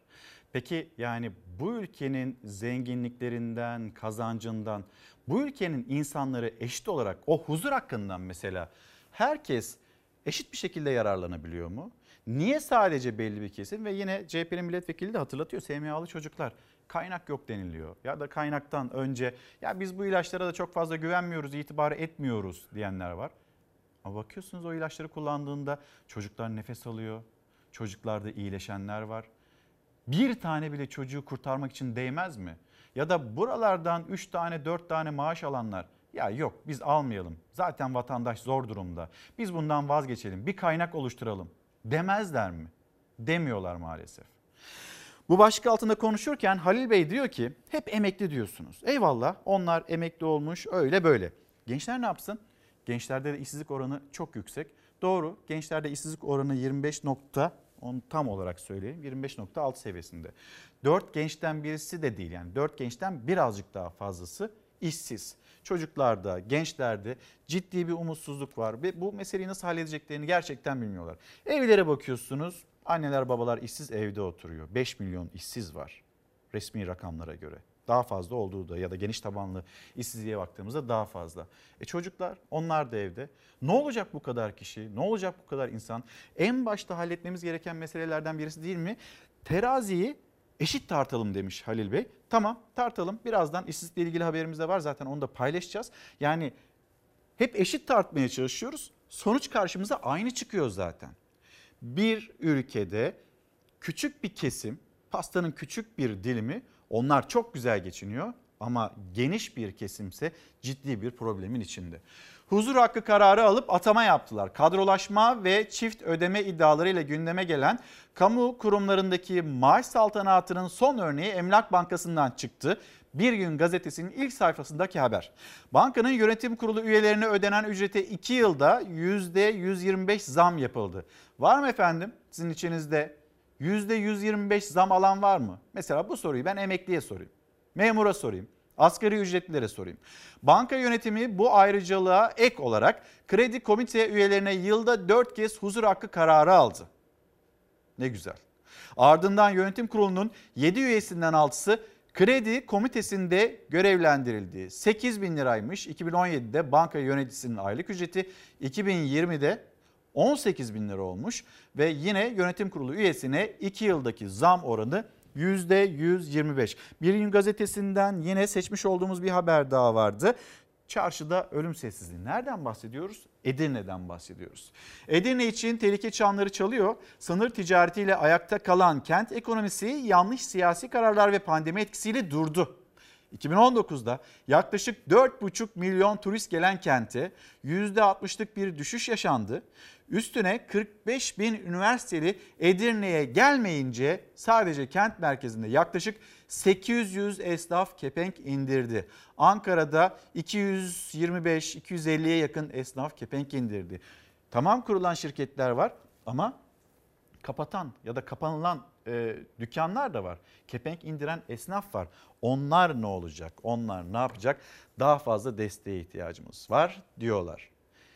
Hibeye ihtiyacımız var diyorlar. Bununla ilgili yine bir değerlendirme var. Yani pandemi süreci ve sonrasında özellikle düğün sektörüyle ilgili ortaya çıkan rakamlar var. Bendevi Palandöken TESK Başkanı onun değerlendirmeleri ona da hep birlikte bakacağız. Hani huzur hakkı deniliyor ya bir kesim, büyük bir kesim huzursuzluk içinde küçük bir kesimde çok güzel bir şekilde huzurlu huzurlu hiç de başkalarını düşünmeden onlarla birlikte dertlenmeden hayatlarına devam ediyor. Ve Halil Bey de hatırlattı tamam işsizlik. Türkiye'de yoksul sayısı 17.2 milyondan 17.9 milyona gelmiş. 700 bin yeni yoksulumuz olmuş bizim Türkiye'de. Yani sadece bir yılda yoksul sayısına 700 bin kişi daha eklendi. Üstelik salgının etkileri henüz TÜİK'in açıkladığı 2020 gelir ve yaşam koşulları araştırmasına henüz yansımamışken. TÜİK'in verilerinde de açıkladığı gibi aslında yoksullaşmanın oranı her geçen yıl daha da arttı. Son 11 yılın en ağır tablosuyla karşılaşıldı aslında. Yoksul sayısına yeni 700 bin kişi daha eklenmiş oldu. Bunların içerisinde 120 bin yüksek öğretim mezunu var. Türkiye'de daha önceki yıllarda eğitimin yoksulluktan çıkışın anahtarı olduğu gerçeğini bir miktar ortadan kaldıran bir veriyle karşı karşıyayız. Kolay mı iş bulabilmek? Yani şanslı olan, torpili olan kolay bence o, o açıdan. Torpili olmayan ama Yani liyakat biraz zor. Şanslı olan yaşıyor Türkiye'de. Gençlerin umutları da her geçen gün tükeniyor. Türkiye OECD ülkeleri içinde ne eğitimde ne istihdamda olan gençlerin oranında %28.8 ile ilk sırada. İşsiz ve umutsuz gençlerin arasına TÜİK'e göre 120 binde üniversite mezunu yoksul genç katıldı. Onlar yoksul çünkü her şeyden önce işsiz. Üstelik yine TÜİK'in yoksulluk sınırı hesabına göre o gençlerin yoksul sayılması için 1600 lira ve altında para geçmesi gerekiyor ellerine. 4 kişilik bir aile için yoksulluk sınırının 6400 lira olması demek. Yani 2825 liralık asgari ücret alan bile yoksul olarak görülmüyor. 2,5 yıldır telefon toptan yedek parça satışı yapan 23 yaşındaki İbrahim Halil Bal da dükkanına gelen müşteriler üzerinden anlatıyor yoksullaşmayı. Yoksullaştığı için telefonunu satmak zorunda kalan var mı bu dönemde? Var. Var mı? Var. Borcu olan oluyor mesela. Yani ben görüyorum ya da ihtiyacını karşılamak için telefonunu satanlar var. Acı bir durum ya açıkçası. kirası olan kirasını veremiyor. Yaklaşık 2,5 milyon işsiz gençten 960 bini üniversite mezunu. İşsiz oldukları gibi kimisi KYK borçlusu da aynı zamanda. Yoksulluktan çıkmaları için önce iyi gelirli bir iş bulup borçlarını ödemeleri gerekiyor. Türkiye'de artık yoksulluk e, yaygınlaşıyor, yoksulluk derinleşiyor, yoksulluk kalıcı hale geliyor. Artık Türkiye'nin kalıcı bir yoksulluk sorunuyla mücadele etmesi gerekiyor. Bir yılda 700 bin yeni yoksul, 120 bini üniversite mezunu ve hem yoksulluk hem işsizlik Halil Bey de hatırlatmıştı biraz da bizi konuşun, işsizliği konuşun, gençleri konuşun. İşte gençlerin yaşamış olduğu durum. Nevin Hanım günaydın. Ee, biraz da içeride yatanlardan bahsedin. Kapıları kapandı. Ödeme şartları çok ağır. iş yok, aş yok. Böyle ödeme şartları mı olur? Hapiste yatınca borçlarını nasıl ödeyecek insanlar? Çekten içeride yatanları da lütfen hatırlatın diyor Nevin Hanım. Korkusuz gazetesi eşkıya Didim'e hükümdar olmaz. Didim halkından rant çetelerine mesaj var. Beyzbol sopasıyla dövülen Başkan Atabay'a destek için toplanan partililer rantla ve mafyayla mücadele sözü verdi. Hemen logonun altında bir haber. Yine konuşmuştuk her şeye her gün zam geliyor diye. Bakın yine neye zam geldi? Yani kiralardan bahsettik. Ankara, İstanbul, İzmir ve memleketin genelinde. Bir de dar gelirlinin geçim şartları giderek zorlaşıyor. Ete, bilete zam. %50 yolcu taşıma kuralı otobüs biletlerini %100 zamlandırdı. Etse tencerede %13.5 zamlı pişecek. Koronavirüs sebebiyle otobüslere uygulanan %50 yolcu taşıma kuralı vatandaşın bütçesini zorluyor. Yolcular biletlerini %100 zamlı almak zorunda kalıyor. Eskiden 70 lira olan Eskişehir İstanbul bileti şimdi 140 liraya çıktı. Gıda zamlarında da durdurak yok. Dar gelirlinin tenceresinde zor gördüğü etin de fiyatı arttı. Bilecik'te kıyma ve kuşbaşı %13.5 zamlandı. 68 lira olan kıymanın kilosu 75 liraya çıktı. Düşük maaşlı halk zamlardan bıktı ve herkes de aslında bunu yaşadığını söylüyor. Etin fiyatı hani bazı yerlerde, büyük şehirlerde şimdi Bilecik'te 75 liraya çıkmış ama bazı yerlerde mahallenizde gittiğinizde kasaba zaten bu fiyattan alıyordunuz. Bir de bunun da üzerine hala zam gelecekse vatandaşın, alamayanın, dar gelirlinin vay haline. Hani bir tarafta bir sürü maaş alanlar, bir tarafta geçinmeye çalışanlar. Hatırlatmak için bu haberi okuduk. Ve şimdi hani düğün sektörü, düğün sektöründe bir takım normalleşmeler var. Güzel haberler var. Bir düğün sektörü nedir? Kaç sektörü birlikte zincirleme olarak etkiler? Hem bunun hatırlatması hem de önümüzdeki günlerde Bilim kurulu toplandı, tavsiye kararları, bakanlar kurulu acaba bu tavsiye kararlarına nasıl yaklaşacak? Onu da birlikte konuşalım. Dükkanların kapanma saati biraz daha artar mı? İşte 65 yaş onların toplu taşımada hala böyle kısıtlamaları devam ediyor. Nasıl kararlar alınacak? Merakla bekliyoruz ve düğün sektörü. 15 Haziran'dan itibaren düğün salonları artık normal e, düzende düğünlerini yapabilecek hale geldiler. Geçen yılda iptal edilen düğünler bu yıl e, patlama noktasına geldi. Neredeyse salonlarda yer yok hale geldi. Dolayısıyla bu 50 milyarlık bir volüme sahip, çok önemli. Bütün sektörlerin canlanmasına, sadece düğün salonu diye e, e, addedilmemesi gerekli. Bunun ses, sahne sanatçıları, çalışan e, garsonlar, komiler, dolayısıyla organizeler, e, bütün sektörleri e, canlandıracak çiçekçiden kuyumcusuna kadar, e, e, mutfak malzemesi satandan mobilyaya kadar yeni ev kuruluyor. Dolayısıyla hep iptal edilen düğünler bu süreç içinde açılacak. E, bunun için elimizden gelen hassasiyeti yine maske, mesafe, e, hijyen kurallarına biz tabii ki uymaya devam edeceğiz ama o düğün şenliğini e, doyasıya yaşayacağımız şey. Bundan sonraki süreçte e, çok daha rahat edeceğimiz e, yazı rahatlıkla düğün sektörü değil, tüm sektörlerde, lokantalarda, restoranlarda, kır düğün salonları, spor salonları vesaire bütün kapalı olan mekanların normal hayata dönmesini dört gözle bekliyoruz. Şimdiden sonra daha iyisini hedefliyoruz kuşkusuz çünkü hayatımızda artık aşı var. Fatoş Hanım günaydın. Hani ben belki yeterince tarif edemiyor olabilirim. Ben belki bilmiyor olabilirim. Siz ne, yaşıyorsanız lütfen bizimle paylaşın demiştik. Fatoş Hanım onu yazıyor aslında Ankara'dan. Maalesef iki işsiz kızım iş bekliyor ve çok zor diyor. Nabi Bey TÜİK'in aylık olarak açıkladığı enflasyon rakamları neden aylık olarak yansıtılmayıp 6 ay bekletilir? Bu da aylık olarak yansıtılamaz mı diyor. Yani şöyle mi Nabi Bey? Ocak'tan Şubat'a geçerken doğalgaza %1 zam. Şubat'tan Mart'a geçerken %1 zam. Hani orada otomatik olarak o zamlar gelirken enflasyon artıyor. Her ay açıklanıyor ayın 3'ünde ya da ne bileyim takvime göre hafta sonuna denk geliyorsa ya işte 4'ünde oluyor 5'inde oluyor. E, öyle yapılabiliyorsa otomatik böyle tek tuşla bir yazılım neticede. Bu da enflasyon farkı olarak yavaş yavaş yansıtılamaz mı? Vallahi yansıtılır. Yani istenirse ama genelde zam da demiyoruz ya böyle güncelleme hani güncelleme diyoruz biz ona. Güncellemeler çok basit yansıtılıyor da hani zam yapılacağı zaman o yani memura verildiğinde zam oluyor ama zam yapılacağı zaman olmuyor. 6 ay bir bakalım. Sonra belki düşer. Hani Mayıs'ta düşer. Bilmiyorum. Olmaz herhalde. Sabah gazetesi randevuyu al aynı gün aşı ol. Türkiye aşılamada çıtayı yükseltti. Aynı gün randevu, aynı gün aşı uygulaması başladı. Türkiye için güzel haberler artık koronavirüsle mücadelede güzel haberler paylaşıyoruz. Dün Sağlık Bakanı Fahrettin Koca da dün bilim kurulu toplantısından sonra anlattı ve heyecanla bugün de 35 yaşa indiğini bir kez daha hatırlatalım. Ama hatırlattı yine bakın dünyaya, bakın Türkiye'ye vaka sayıları o kadar da düşmedi.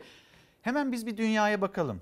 İngiltere neyi başarmıştı? Neredeyse sıfırlayacaklardı memleketlerinde İngiltere'de o günlük vaka sayısını ve şimdi hangi seviyelerde ve maskeyi çıkarmaya hazırlanan ülkeler var onları da gösterelim. Fransa sokağa çıkma kısıtlamasına ve açık alanda maske kuralına veda etmeye hazırlanıyor. Almanya'da muhalefet virüsün bulaşma oranı %35'in altına indi dedi. Berlin'de açık alanda maske kuralı kaldırıldı. Maske ve mesafe dışında tüm kısıtlamaların kalktığı İtalya ise Delta varyantının yayıldığı İngiltere için seyahat kuralı getirmeye görüşüyor. 24 saatte 400 bine yakın yeni vakayla dünya genelinde toplam vaka bugün 180 milyona dayandı. Can kayıpları 3 milyon 900 bine yaklaştı. Avrupa'da normalleşme süreci devam ederken İngiltere'deki durum gidişatı sekteye uğratabilir. Hindistan'da ortaya çıkan delta varyantı bugün İngiltere'de her geçen gün vakaları katlıyor. 24 saatte virüsün bulaştığı insan sayısı 9 binden fazla kaydedildi. Aşılamada Amerika Birleşik Devletleri'nden sonra en başarılı ülke olan İngiltere yeni bir dalgayla karşı karşıya kaldı. Bilim insanları İngiltere'de en çok uygulanan AstraZeneca aşısının bulaşmayı engellemese bile hastaneye yatışları engellediğini söylüyor. İngiltere'deki delta varyantı bugün normalleşmede büyük adım atan diğer Avrupa ülkelerini tehlikeye sokuyor. İtalya'da maske ve mesafe tedbirleri devam etse de yaz sezonuyla oluşan hareketlilik endişe yarattı. Hükümet İngiltere'den gelecek yolculara 14 gün karantinayı zorunlu hale getirmeye görüşüyor. Fransa'da günlük vakalar 3000'e düştü. 67 milyon nüfuslu Fransa'da 45 milyon insan aşıda ilk dozu oldu. Ülke genelinde açık alanlarda maske kuralı yarın son bulacak. Bu gece itibariyle de sokağa çıkma kısıtlamasına veda edilecek. Almanya'da maske kuralı uzun süredir protesto edilirken muhalefet Merkel yönetimini uyardı. Bulaşmanın %35'in altına düştüğü ifade edildi. Artık halkın özgürlüğünü kısıtlayacak kararlar veremezsiniz denildi. Almanya genelinde açık alanda maske kuralının kalkması tartışılırken Berlin'de eyalet yönetimi hızlı davrandı. Açık alanda maske zorunluluğu rafa kaldırıldı. Efendim şimdi Karar Gazetesi'nden bir haber okuyacağım. Sonra o haberi Antalya'dan bir haber. O haberi sizlerle paylaşacağız. Ve şunu konuşmak istiyoruz. Yani elinde gücü tutanlar ya da ne bileyim nüfuzlu tanıdıkları olanlar ya da zenginler yargı kararlarına müdahale edebilirler mi? Ya da yargının bir kararını değiştirebilirler mi? Hukuk devletinde böyle bir şey olur mu olmaz mı? Bu soruyu size sormak istiyoruz. Gelelim önce para teklifi sonra görüntülere Delayed. Antalya'da halasıyla yaya geçidinden karşıya geçen 5,5 yaşındaki Duru Akçay'a araba çarptı. Olayın ardından sürücü Berna YB hakkında verilen ev hapsi kararının kaldırılmasına itiraz eden baba Ali Akça bu süreçte sürücü adına aradığını söyleyen bir kişi kan parası teklif etti. Konuşmanın ardından kaza anına ait kamera görüntülerinin de silindiğini iddia eden Akça, parayı kabul etmeyince tehditler aldım. Tek isteğim suçluların cezasını çekmesi çağrısında bulundu. Yani bir baba kaybedilmiş bir evlat, bir trafik kazası, birileri devreye giriyor, para teklif ediliyor. Sonra görüntüler iddia öyle, görüntüler varmış. Bu görüntüler siliniyor. Bu bir hukuk devletinde mümkün mü?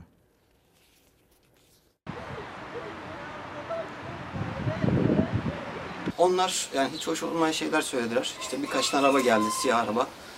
İşte işte para teklif edildi falan filan. Ee, kamera, kamera görüntüleri silinmeye çalıştılar. Yaya geçidinde otomobilin çarpmasıyla kızını kaybeden acılı babadan kan donduran bir iddia geldi. Baba Ali Akça davanın kapanması için kendisine para teklif edildiğini ileri sürdü. Baş sağlığı dilediler demek için ittifak ama farklı olaylar yansıttılar. Para mı teklif ettiler? Evet. Duru Akça 5,5 yaşındaydı. Antalya'da halasıyla yaya geçidinden geçmek isterken iki otomobil durup yol verdi ancak bir otomobil durmadı. Duru kendisine çarpan aracın altında 50 metre kadar sürüklendi, olay yerinde can verdi.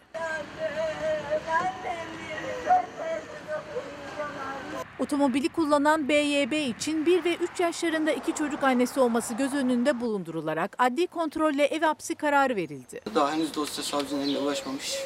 İşte savcının eline ulaşır ulaşmaz direkt dava açacağız diyor. Yani itiraz. Acılı baba Ali Akça kazanın ardından sürücü adına tanımadığı bir kişi tarafından arandığını ve o kişinin kendisine davadan vazgeçmeleri için para teklifinde bulunduğunu öne sürdü. Kaza anı ve sonrasına ilişkin görüntülerin bir kısmının da silindiğini iddia etti. Kazadan sonraki görüntüler yok. Evet. Çocuğuma bunu yapanların sonuna kadar cezalarını çekmelerini istiyorum. Onda çocuk varmış, üç avukat tutmuş, ev hapsiyle yırtmaya çalışıyor. Benim çocuğumu geri getirmek için kaç avukat tutmam gerektiğini merak ediyorum ben artık. Duru'dan geriye ise yaptığı resimler ve evlerinin duvarlarına boyayla bıraktığı el izleri kaldı. Duru dönmeyecek ama ailesi davanın peşini bırakmaya niyetli değil. Çocuğumdan geriye kalan tek izler onlar artık. Biz ağladık ki cennet başka neler ağlamasın yeter yeter. Biz sorumuzu sorduk. Yaşanılan bu ve şimdi bu soruyu bu konuyla ilgili sıkı bir çalışma yapan gazeteci Ercan Öztürk'e soracağız. Bir cinayetin aslı, aslı baş cinayeti, adaletin gücü mü, güçlünün adaleti mi? Ercan Öztürk yazdı bu kitabı. Bir yandan da ciddi bir araştırma süreci oldu. Günaydın. Günaydın. Hoş geldiniz. Hoş bulduk. Sağ olun. Şimdi bu kitabın hikayesini, bir yandan bu kitabın hikayesini dinlemek istiyoruz sizden. Ama aynı zamanda bu mümkün mü? Yani mesela haklısınız, başınıza kötü, feci bir olay geldi ve adalet arayışı içindesiniz.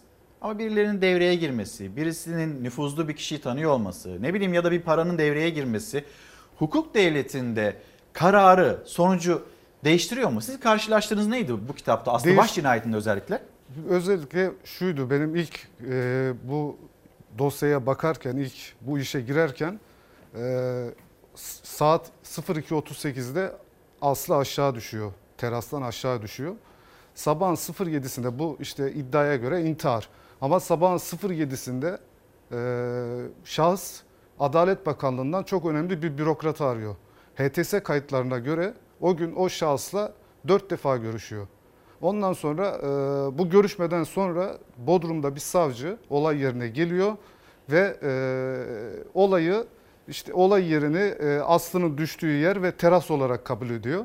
Orada incelemeler yapıyor. Ondan sonra dosyayı intihar olarak kapatıyor. Dosya bir, bir sene 7 ay boyunca adliyenin tozlu, tozlu raflarında kalıyor. Hiçbir işlem yapılmıyor. Ama bu arada ailesinin bir adalet arayışı var. Tabii ki. E, ailesi buna ikna olmuyor. Evet zaten olay e, baba sürekli her hafta Bodrum'a gidiyor, adliyeye gidiyor. İşte görüşebildiği savcılarla görüşüyor. İşte benim kızım öldürüldü, ben işte adalet istiyorum, kızımın katillerini bulun falan diye ağlamaya başlıyor. Böyle vicdanlı bir tane savcı alıyor odasına ya diyor konu ne falan diyor. O da çünkü yeni gelmiş Bodrum'a. Diyor ki işte böyle böyle falan. Ondan sonra Bodrum Başsavcısıyla görüşüyor. O da oraya yeni başlamış. Ondan sonra e, bu dosyayı raflardan indiriyorlar ve çalışmaya başlıyorlar. İlk önce teknik takip yapıyorlar. İşte bu şahıslar, oğulları, işte yakınlar, is- ismi geçen dosyada ismi geçen insanların telefonları dinleniyor. Telefonlar dinlenince bir sürü böyle ilişkiler, kirli ilişkiler ortaya çıkıyor. işte e, Adalet Bakanlığı'ndan bürokrat giriyor. Türkiye Büyük Millet Meclis- Meclisi'nden çok önemli bir bürokrat giriyor. Ve bu bürokrat soruşturmayı yapan savcıya küfürler ediyor. Ondan sonra e, işte bu oğullarını gözaltına alan savcının sicil numarasını Adalet Bakanı Personel Daire Başkanı'na gönderiyor. Ondan sonra iş adamları giriyor, medya patronu giriyor. Röportaj yapan böyle çok önemli bir gazetede röportaj yapan bir e, gazeteci giriyor. Gidiyor işte olaydan iki sene sonra iki tam sayfa röportaj yapıyor ve mağdur tarafa hiç söz hakkı vermeden. Yani ne, ne temizlenmeye çalışılıyor orada? bir cinayeti örtmek istiyorlar. Yani bize bunu intihar olarak yutturmaya çalışıyorlar ama dosyada bir ton kanıt var. Ee, şimdi bütün kurgu e, kızın yukarıda koşarak işte bir metrelik setten aşağı atlayıp ölmesi yani intihar ettiğini böyle bize inandırmaya çalışıyorlar ama e, tabii böyle dijital bir çağda yaşıyoruz her şey kayıt altında. İşte e, 112 e, kayıtları 5 sene sonra ortaya çıktı. 112 kayıtlarında şahıs kendisi arıyor 112'yi diyor ki işte otelde bir person şeyin e, müşterinin merdivenden düştüğü ve başının kanadığını söylüyor. E, zaten e, 112'ye yapılan e, ihbar da asıl olayın şeyi e, gerçeği.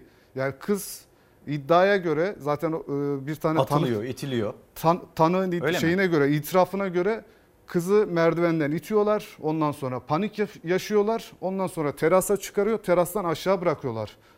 Ee, zaten kızın e, aslı başın e, aşağı düşüş şekli de zaten sırt üstü düşüyor ve düşerken kamera kaydı var. Güvenlik kamera görüntüleri falan var kızın aşağı düşerken. Ee, hareketsiz yani e, kendinden geçmiş bir şekilde aşağı düşüyor. Hiçbir hareket yok.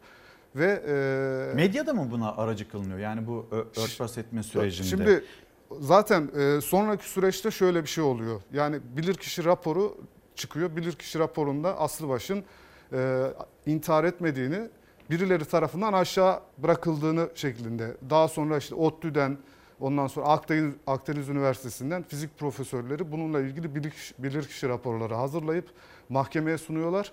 E, şimdi aile de e, kendine göre karşı taraf yani şey e, sanıklar e, Adli Tıp Vakfı'yla bir rapor hazırlıyorlar. E, işte e, animasyonlu bir şeyler animasyon yapıyorlar işte E, düşüşü aynen e, kendi kurguladıkları şeye göre senaryoya göre yapıyorlar. Ondan sonra her şey dizayn Her ediliyor. şeyi dizayn ediyorlar ve sonra basın toplantısı yapıyorlar. Evet. Şeyde Bodrum'da bütün televizyon kanalları, gazeteler gidiyor. işte ajanslar servis yapıyor falan. Herkes intihar olarak veriyor. Biz işi. hariç. Fox TV cinayet olarak veriyor. Fox TV e, bilirkişi raporuna da tamam işte diyor Ahmet Bayar böyle böyle diyor ama ortada da bir gerçek var. Bilirkişi şeyi var diyor. İşte Aslı'nın düşüşünün normal olmadığını falan. Ondan sonra bir de Posta Gazetesi cinayet diye veriyor. Diğer bütün herkes e, Bodrum'daki ajansların servis ettiği gibi veriyor haberi. Ondan sonra basın danışmanıyla bir konuşma yapıyor. Diyor ki bizimle ilgili diyor olumsuz haber yapan e, kurumlarla ilgilenmemiz gerekiyor. Ondan sonra basın danışmanı da diyor ki ya biz diyor hani burayla ilgilenirsek yani buraya şey yaparsak ters teper. Çünkü Amerikalı diyor onlar diyor. Bir de diyor bu tarz halka yakın onlar diyor. Bu tarz şeyleri de çok severler diyor. Onun için diyor ters teper diyor. Yapmayalım diyor. Bu yüzden gidiyorlar karşı tarafla diğer grupla görüşmeler yapıyorlar. Ondan sonra bu o, o gazetede yani o grubun diğer gazetesinde röportajlar yapan kişi iki sene sonra e, merakımdan zaten röportaja da öyle başlıyor. Merakımdan diyor soluğu Bodrum'da aldım falan diyor. Yani merakından dediği e, ikinci savcı o soruşturmayı başlatmış. Şahsın sanığın iki tane oğlu tutuklanmış mahkemeye çıkacak. Mahkemeye çıkmadan önce bu röportajın yayınlanması gerekiyor ki kamuoyu yarasınlar. Yani savcıları işte hakimleri de şey yapmak için etkilemek, Etkilemek. için. Hmm. Zaten konuşmaları da bu şekilde bu şekilde konuşmalar yapıyorlar yani. Peki mesela siz böyle e, zaman zaman karşılaştığınız haberler, hani kötü haberler, e, bir yargı süreci, adalet arayan insanlar ama karşısında güçlü bir kesim. Gördüğünüzde ne hissediyorsunuz? Mesela e, Antalya'da çok önemli bir otel var. Çok bilindik bir otel. Orada da bir tane çocuk 20 yaşında intihar etti diye veriliyor. Babası şu anda o çocuğun hak arıyor. Ya ve o çocuğu o davayı da intihar olarak kapattılar. Ondan sonra ben mesela e, işte rezidanstan aşağı atladı, balkondan aşağı atladı, terastan düştü falan bu şekilde bir olay okuduğum zaman aklıma hemen bu dava geliyor. Çünkü bakıyorum yani karşı taraf gerçekten güçlü. Diyorum ki kesin böyle bitmiştir. Zaten kitabın sonunu da bu şekilde yani aynen Aslı Baş gibi hayatını kaybeden insanlar gibi onların yargılanması. Çünkü hepsi aynı. Çok benzer yargılama süreci de çok benzer. e, Mahkeme bitişi de çok aynen benzer. Ya birbirinin kopyası gibi. Ya bu davalar genelde e, karşı tarafın istediği gibi bitiyor. Zaten kitabın ism, isminin O zaman kitapta sizin sorduğunuz soruyu ben size sorayım. Adaletin gücü mü güçlünün adaleti mi? güçlünün adaleti. Ama bunu e, insanların şeyine bırakıyoruz biz. İnsanlar e, okuduğunda da aynen bizim verdiğimiz cevabı verecekler. Efendim çok teşekkür ederim Ben geldiğiniz teşekkür için. ediyorum. Bir cinayetin aslı, adaletin gücü mü, güçlünün adaleti mi? Gazeteci Ercan Öztürk'ün kitabı ve yine bu kitapta hem İsmail Küçükkaya'nın hem de e, Doğan Şentürk, Fox Haber Genel Yayın Yönetmeni Doğan abinin de e, bu kitapla ilgili değerlendirmeleri yer alıyor. Evet bizim işimiz gazetecilik, bizim Gazetecilik, işimiz haber habercilik. yapmak. Biz elimizden Başka geldiğince şey e, her gün, gerekiyor. her sabah, her akşam doğru haberi izleyicilerimizle buluşturma gayreti içindeyiz. Tekrar teşekkür Ben ediyorum teşekkür size. ediyorum. Hani bizi e, bizim merak ettiğimiz konular vardı. Hani bir süreç nasıl ilerleyebiliyor ve burada soru işaretlerini de belki de birazcık giderebilmek adına size de danışmak istedik. Sağ olun. Bir mola verelim. Döndüğümüzde devam edelim. Günaydın bir kez daha devam ediyoruz. Başlığımız maalesef bize memleketin neresinden mesaj gönderiyorsunuz? Neresinden günaydın diyorsunuz? Ve yine gündeminizde ne varsa lütfen yazıp gönderin. Hemen şöyle bir İstanbul'u gösterelim. Memleket havasıyla devam edeceğiz. Memleketinizde hava durumunu bizimle de paylaşın. Dün böyle Kasım gibi bir İstanbul'du. Bugün sanki biraz Ekim sonu gibi bir İstanbul ama baktığımızda hiç Haziran gibi değil. Önümüzde bir kuraklık meselesi var. Kuraklığın tetiklediği bir pahalılık meselesi var. Bunu da yine hep birlikte konuşalım. Maalesef başlığı altında memleket havası devam ediyoruz.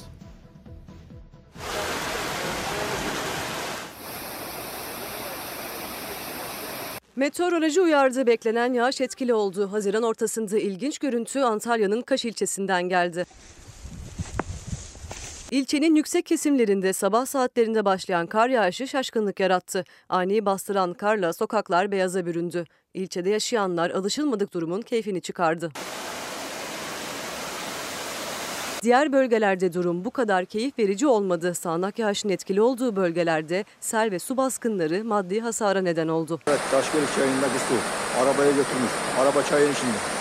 Samsun'da park halindeki araç sel sularına kapıldı. Kuvvetli yağışla Yenice Çayı'nın debisi yükseldi. Bahçe duvarını yıkan sel suları park halindeki aracı 3 kilometre sürükledi. Araç itfaiye ekiplerinin çalışmasıyla kurtarıldı. Bir fotoğrafını şöyle çekelim de. sorgulatarız bunun ya. Yani yakınlaştıralım. Plakayı sorgulatalım adamı aratalım. Bafra ilçesinde ise yağış nedeniyle rögarlar taştı. Bazı cadde ve sokaklar göle döndü. Sürücüler zor anlar yaşadı. Sel suları bazı ev ve iş yerlerinin alt katlarına doldu. Kırıkkale'de de tarım arazileri sel suları altında kaldı. Taşan dereler nedeniyle bazı evlerde hasar oluştu. Bazı köprüler yıkıldı, ağaçlar söküldü. Yaklaşık 20 dakika süren yağış en çok tarım arazilerine zarar verdi. Buraya geldik ki şiddetin selin bu şekilde olduğunu gördük. Aşağılarda daha fazla zarar vermiş. Yukarıdaki evleri basmışlar.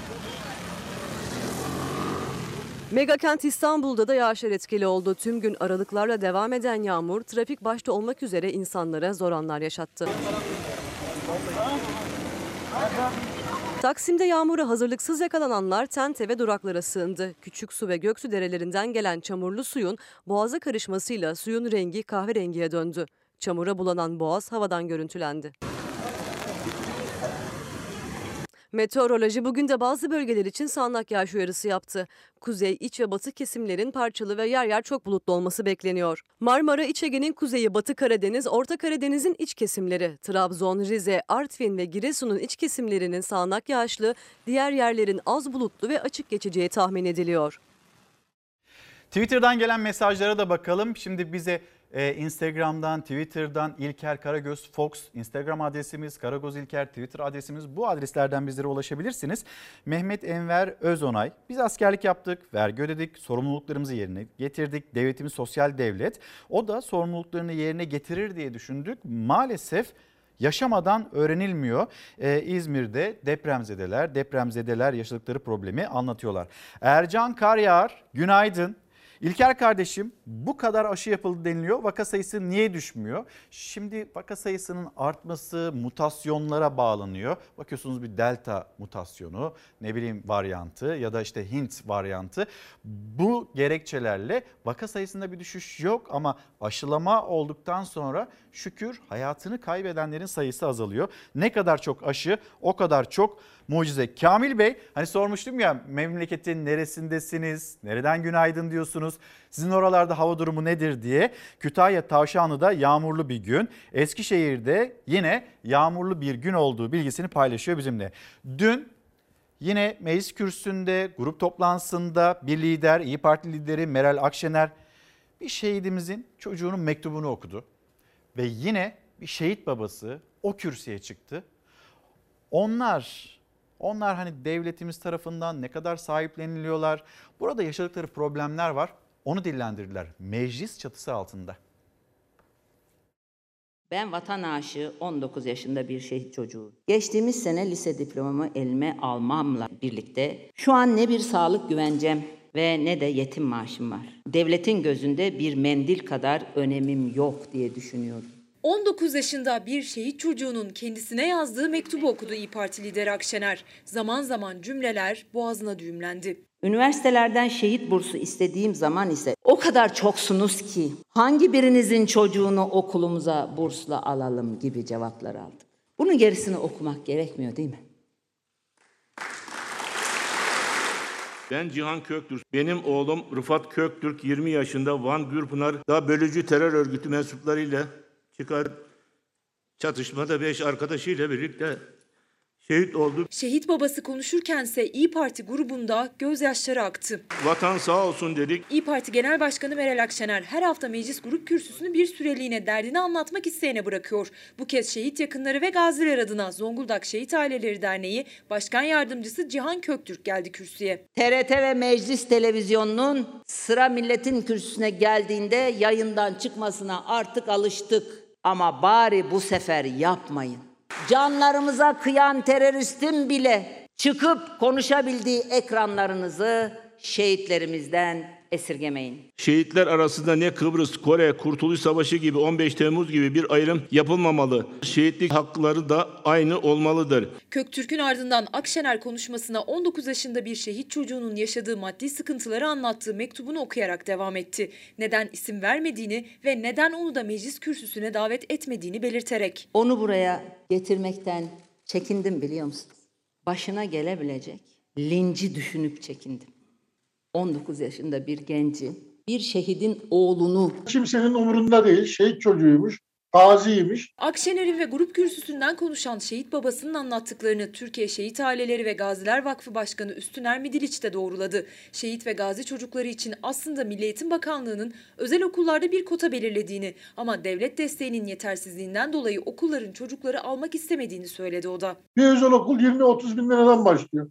Devlet 5 bin lirasını ödüyor. Tabii devletin ödediği 3 lira 5 lira para gittiği zaman bir özel okula benim kotam doldu deyip hemen geçiştiriyorlar. Midiliç şehitlerin maaşının evli ise eşine çocuğuna ve anne babasına pay edildiğini bu yüzden çok az maaşlarla ailelerin geçindiğini de anlattı. Kendi yaşadığı zorlukları da. Bir şehit annesinin aldığı maaş 700 lira ve bu ürün bu parayla kim geçirmek istiyorsa geçirsin. Bedavadan memur oldunuz diyorlar bize. Yani biz uzunluğumuzu kaybedip e, gidip memur olduysak bedavadan oldunuz. Mobbing uyguluyorlar. hak dağıtırken şehitleri de gazileri de en üst mertebeye koyacaksın. Bu kadar net. Mekanları cennet olsun, anneler, babalar, evlatlar, vatan sağ olsun diyenler ve onların yakınları yaşadıkları durum meclis kürsüsünde bu şekilde dillendirildi. Size sormak istiyorum ya mesela o 19 yaşındaki evlat ismi açıklansaydı ona kötü cümleler kuranlar çıkar mıydı?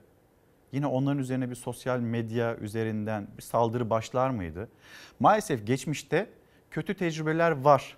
Bu oldu. Bir gazimizin sokak ortasında feci şekilde dövüldüğüne de tanıklık ettik hep beraber. Ve şimdi bakıyorsunuz çocuklar neye kaygılanacağını şaşırmışlar. Ama sakın benim ismimi söylemeyin diyorlar. Ama derdi ne? Mendil kadar önemim yok mu benim? Burs istiyor. O kadar çoksunuz ki hanginize birinize yetişelim. Ama bir yandan da İyi Parti lideri Meral Akşener'in hatırlatması. Onlar en üst mertebede değerlendirilmeli. Vatan sağ olsun diyen anneler, babalar, evlatlar onlar kıymetlendirilmeli. Ama kıymetli olduklarını hissetmiyorlar. O kadar çoksunuz ki inanılmaz bir ifade ve maalesef tablo böyle. Şimdi bir de hani yoksulluk polemiği yaşanıyor siyasette ve bu yoksulluk polemiği de erken seçim tartışmalarına evrildi. Erken seçim olur mu olmaz mı? Bir soru da bizden size bu yönde olsun. Neymiş? Millet açmış. Aç olarak dolaşanları buyurun siz de doyuruverin. Olur. İn oradan. Doyurmayan namert.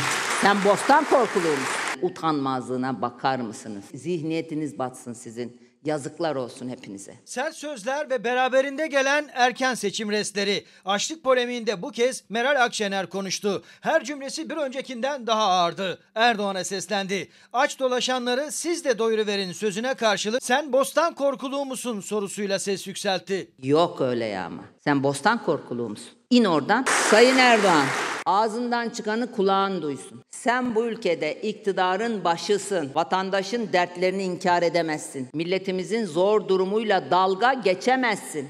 Türkiye'de tek bir insanımız bile yatağına aç giriyorsa sen de tok yatmayacaksın. Zaten seni doyurmak bir sorun. Türkiye'nin temel sorunu seni ve beslemelerini doyurmak. Doyuramıyoruz ya. Milyarları, dolarları veriyoruz. Doymuyorsunuz kardeşim ya. Muhalefetin ülkede açlık var, insanlar geçinemiyor, açlıkla mücadele ediyor. Çıkışına karşı kurmuştu cümleleri Erdoğan. Aç dolaşanları siz de doyuruverin diyerek. O günden beri muhalefetin öfkesi dinmiyor. Her söz, her cümle açları doyurma tartışmasına bağlanıyor. Bu gaflet dolu sözler aslında bir itiraftır. Sayın Erdoğan aslında benden bir yol olmaz diyor. Ben sefaya öyle bir alıştım ki artık benden fakire, fukaraya, işsize bir fayda dokunmaz diyor. Beni salın, bana dokunmayın diyor.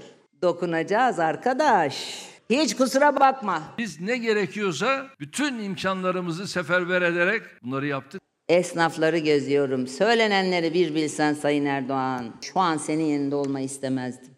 Sen çekil biz gerekeni yaparız diyen muhalefet sandık sesini daha güçlü dillendiriyor açlık polemiği üzerinden. Madem işini yapmıyorsun, madem açı doyuramıyorsun, madem yönetmeyi beceremiyorsun, o zaman çare de yolda belli. Sen sandığı getireceksin, millet yetkiyi verecek, biz de gereğini yapacağız.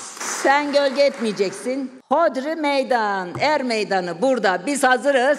Sen de yüreğin yetiyorsa buyur. Bizim doyurmamız için senin oradan çekilmen lazım kardeşim. Oradan ayrılman lazım. İzzetü ikbal ile ayrılman lazım. Bu ülkede ampul sönecek, patlayacak, güneş doğacak. Semra Hanım günaydın oku okumazsın tabii diye bir mesaj göndermiş kendisi bana. Ee, bir de Alagöz demiş Karagöz ben öyle düzelteyim selamlarımızı da iletelim. Televizyonlarda söylenenler pompalananlar biz hiçbirine inanmıyoruz biz aşı olmayacağız diye bir sürü mesaj göndermiş. Ben elimden geldiğince hepsine böyle bakmaya da çalışıyorum. Yani bir yandan haberler bir yandan gazete bir yandan işte ne bileyim sizlerden gelen mesajlar yetişmeye çalışıyoruz. Yani televizyonda La Fontaine'den masallar anlatılıyor. Maske, mesafe, hijyen, aşı. Yani biz bunlara inanmıyoruz. Ve biz hani kendisinin aşı olmayacağını, çevresinin de bu şekilde bu yönde etkilediğini söylüyor. Okumazsınız biliyoruz eyvallah sırasıyla haberleri de öyle paylaşırsınız demiş. Yo okuruz ama yani Semra Hanım tabii ki benim size söyleyebileceğim bir şey yok. Ee, insanlara bakın aşı kuyruğundalar onlar güzel bir şekilde aşılanıyor. İşte siz açıklanan verilere ya da bilmiyorum belki de bilimsel bir makaleniz vardır onu da yazmamışsınız. Hani belki bilimsel bir dayanağınız varsa onu da bizimle paylaşabilirsiniz. Ama şimdi baktığımızda dünyada bizde bilim insanları böyle söylüyor. Ee, reel olarak karşımıza çıkan da bu istatistiksel olarak karşımıza çıkan da bu. E tamam yani siz olmayın aşıyı ama bir yandan da hem kendinizi hem çevrenizi de e, sıkıntıya sokabileceğinizi bilin. Benim yani söyleyebileceğim hiçbir şey yok.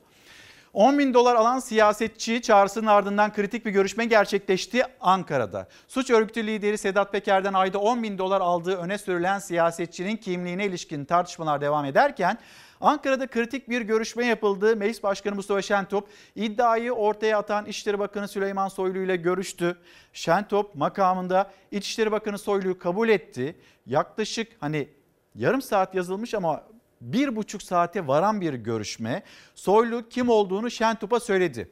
NTV parlamento muhabiri Özgür Akbaş ise görüşmenin yarım saat değil bir buçuk saat sürdüğünü belirtirken Soylu'nun mafyadan ayda 10 bin dolar alan siyasetçinin kim olduğunu Şentop'a söylediğini aktardı. Piyasalara baktığımızda 10 bin dolar 86 bin civarında böyle bir para ediyor. E, Şentop iddia ile ilgili Soylu'ya yazı göndermişti. Hepsini hatırlatıyor gazete Pencere. Şimdi her şey var. E, Soylu'nun iddiası Mustafa Şentop da biliyor ama hala vatandaş maalesef vatandaş bilmiyor. Kim bu siyasetçi? Ya da siyaset zan altında muhalefet bu kişinin kim olduğunu bilmiyor ama artık Mustafa Şentop da öğrendi.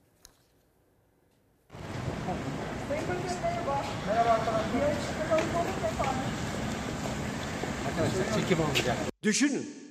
Bir ülkenin İçişleri Bakanı çıkar televizyonlara der ki bir siyasetçiye her ay ben 10 bin dolar rüşvet gittiğini, para gittiğini biliyorum der. Ayda kime 10 bin dolar para gönderiyorsa hangi siyasetçiye oradan sor. Siz hiç merak etmiyor musunuz bu her ay 10 bin dolar rüşvet alan siyasetçiyi merak etmiyor musunuz? Bu kul hakkı yiyen bu siyasetçiyi mer- merak etmiyor musunuz?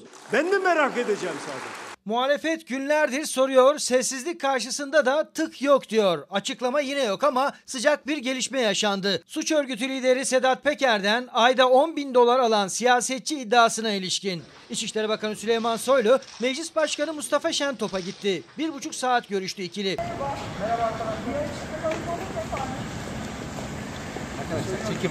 Soylu soru almadı, konuşmadı, sessizliğini korudu. Ama meclis başkanlığı kaynaklarından bir buçuk saatlik görüşmede Soylu'nun Sedat Peker'den ayda 10 bin dolar alan siyasetçinin ismini Mustafa Şentop'a ilettiği öğrenildi. 10 bin dolar maaş alan namussuz milletvekili kim? 10 bin dolar maaş alan ahlaksız milletvekili kim? 10 bin dolar meselesi. Evet. Ben bir kere bir siyasetçi dedim. Partisinde söylemedim. Bu bence bir siyasi müsilajdır. Böyle olursa meclis kokar. Böyle olursa siyaset kokar. İçişleri Bakanı Süleyman Soylu ortaya atmıştı iddiayı. Organize suç örgütü lideri Sedat Peker'den her ay 10 bin dolar alan siyasetçi iddiasını. 3 haftadır siyaset o ismi arıyor. Muhalefet töhmet altındayız diyerek Meclis Başkanı Şentop'u da hedef almıştı. konudaki beklentilerimizi ifade ettik yazılı sözlü olarak Sayın Bakan'a. Bunu soran meclis başkanına cevap vermeye tenezzül etmiyor. Savcıya gideceğim ve söyleyeceğim. Savcılar soruşturmayı başlatıp harekete geçmedi. Soylu savcıya gitmedi ama 3 haftanın sonunda meclis başkanına gitti. CHP lideri Kılıçdaroğlu eleştirilerini bir adım öteye taşıyıp Cumhurbaşkanı Erdoğan'ı da hedef almıştı dünkü grup toplantısında. Rüşvet alan belli. Rüşveti veren belli. Ama beyefendi diyor ki ben elçiyim diyor. Kimin elçisisin? Erdoğan. Adım gibi biliyorum. Rüşveti alanı çok iyi biliyor. Eğer onu ortaya çıkarıp görevine son vermezse rüşvet çarkının bir parçasıdır arkadaşlar.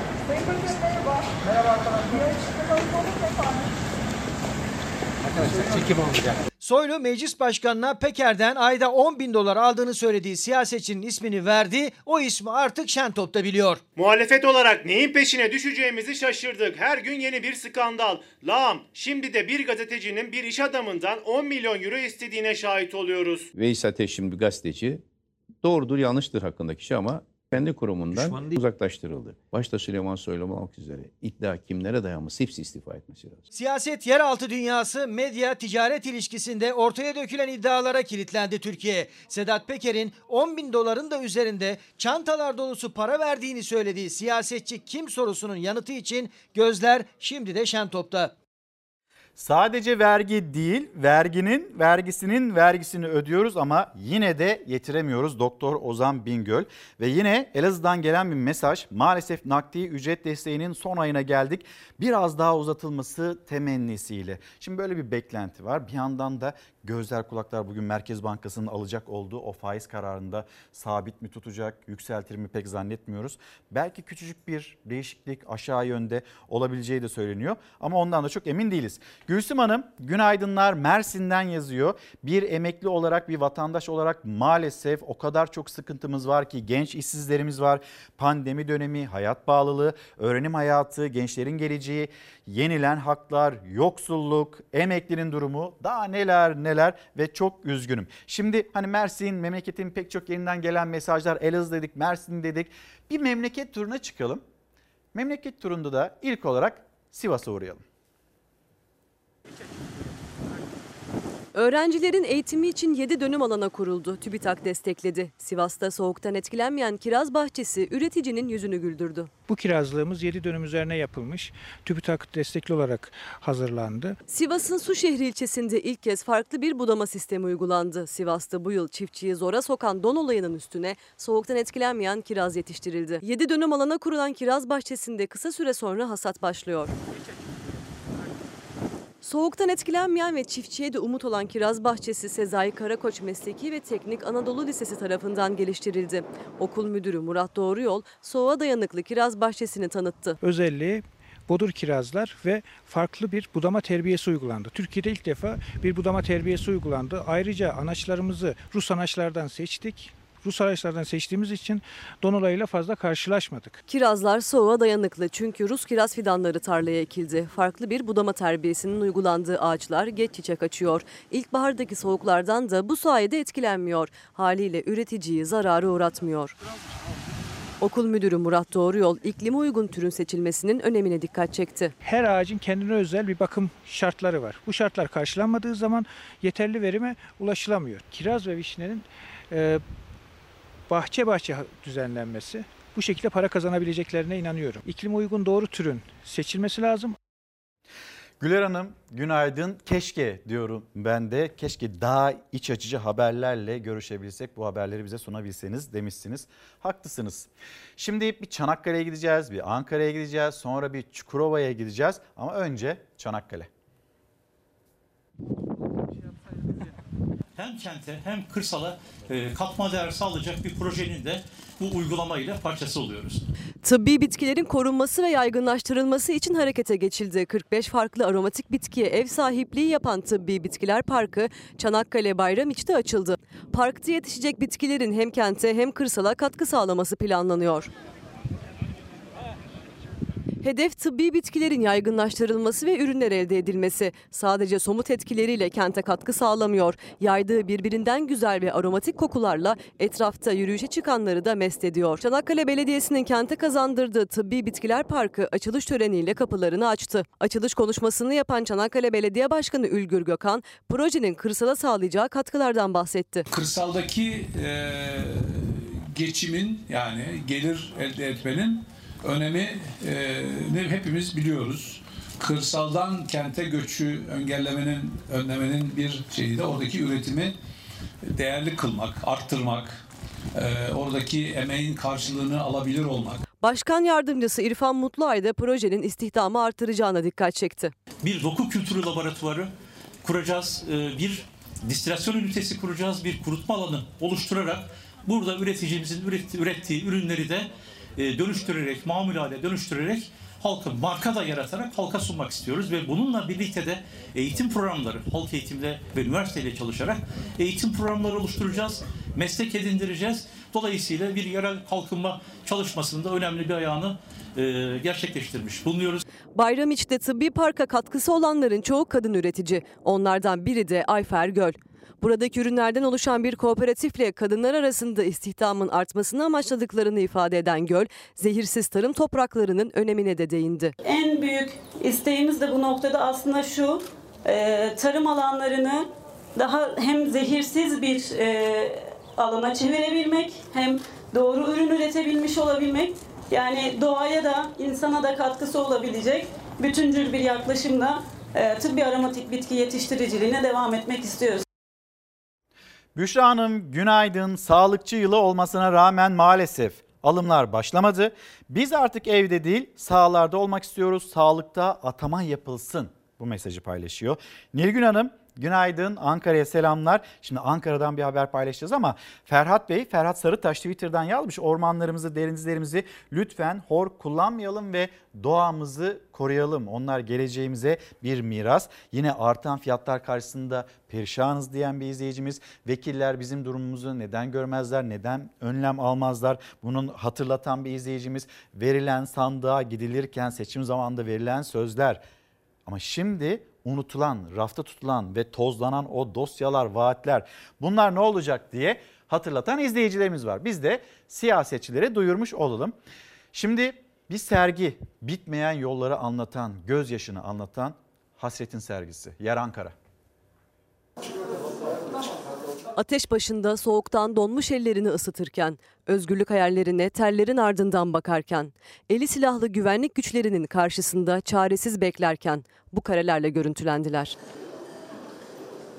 Mülteci hikayeleri ve fotoğraf sergisi Kosova Ankara Büyükelçiliği tarafından Ankara'da Kızılay Metro Sanat Galerisi'nde açıldı. Kosova'nın Ankara Büyükelçisi Dugolli, Ankara Büyükşehir Belediyesi'nin Metro Sanat Galerisi yetkililerine teşekkür etti. Konuşmasında her mültecide kendimizi görmeliyiz dedi. Mülteciler öğretmendir, öğrencidir, işsizdir, fotoğrafçıdır, annedir, dededir, bilim insanıdır, sporcudur. Her birinin bir hayatı, acısı, kaybı ve çilesi var. Onları objektifinden bakan iki fotoğrafçı Esra Hacıoğlu ve Hazir Reka. İkisi de mülteci bir ailenin çocukları. Belki de karelerinden bu kadar duygu akmasının sebebi de tam olarak onların mültecilerin çilesini paylaşmış olmaları. Mülteci hikayeleri ve fotoğraf sergisi 20 Haziran Dünya Mülteci Günü'ne kadar Kızılay Metro Sanat Galerisi'nde görülebilecek. 21 Haziran'dan itibaren Altındağ'daki Arnavut Kültür Merkezi'nde yer alacak. Gelen kitaplar var onları göstereceğim sonra Çukurova'ya gideceğiz. Cemil Can Bıçakçı Gönül Pencerem'den Yeşilçam. Seyfettin Araç Sevgili Yalnızlık Türk Edebiyatı ve bir roman. Sait Eruçar Serüven Hayallerin Peşinde ve yine az önce misafirimizdi gazeteci Ercan Öztürk Bir Cinayetin Aslı. Adaletin gücü mü, güçlünün adaleti mi? Bu kitaplarımızı da gösterdikten sonra Çukurova'ya gideceğiz. Çiftçi perişan. Bu sene malımız tarlada kaldı. Seçil olan yerde 5 ton 6 ton mal var. Şu an bir sene tarlada kaldı. 1,5 milyar dönümünü sattığım halde 6,5 5700 6000 liraya kadar maliyeti oldu. Çünkü gübre pahalı, mazot pahalı vesaire ilacımız pahalı. Yani bu karpuzun 12-13 tane kalemi var. Şu an karpuzu sürüyorum. Karpuzum tarlada kaldı.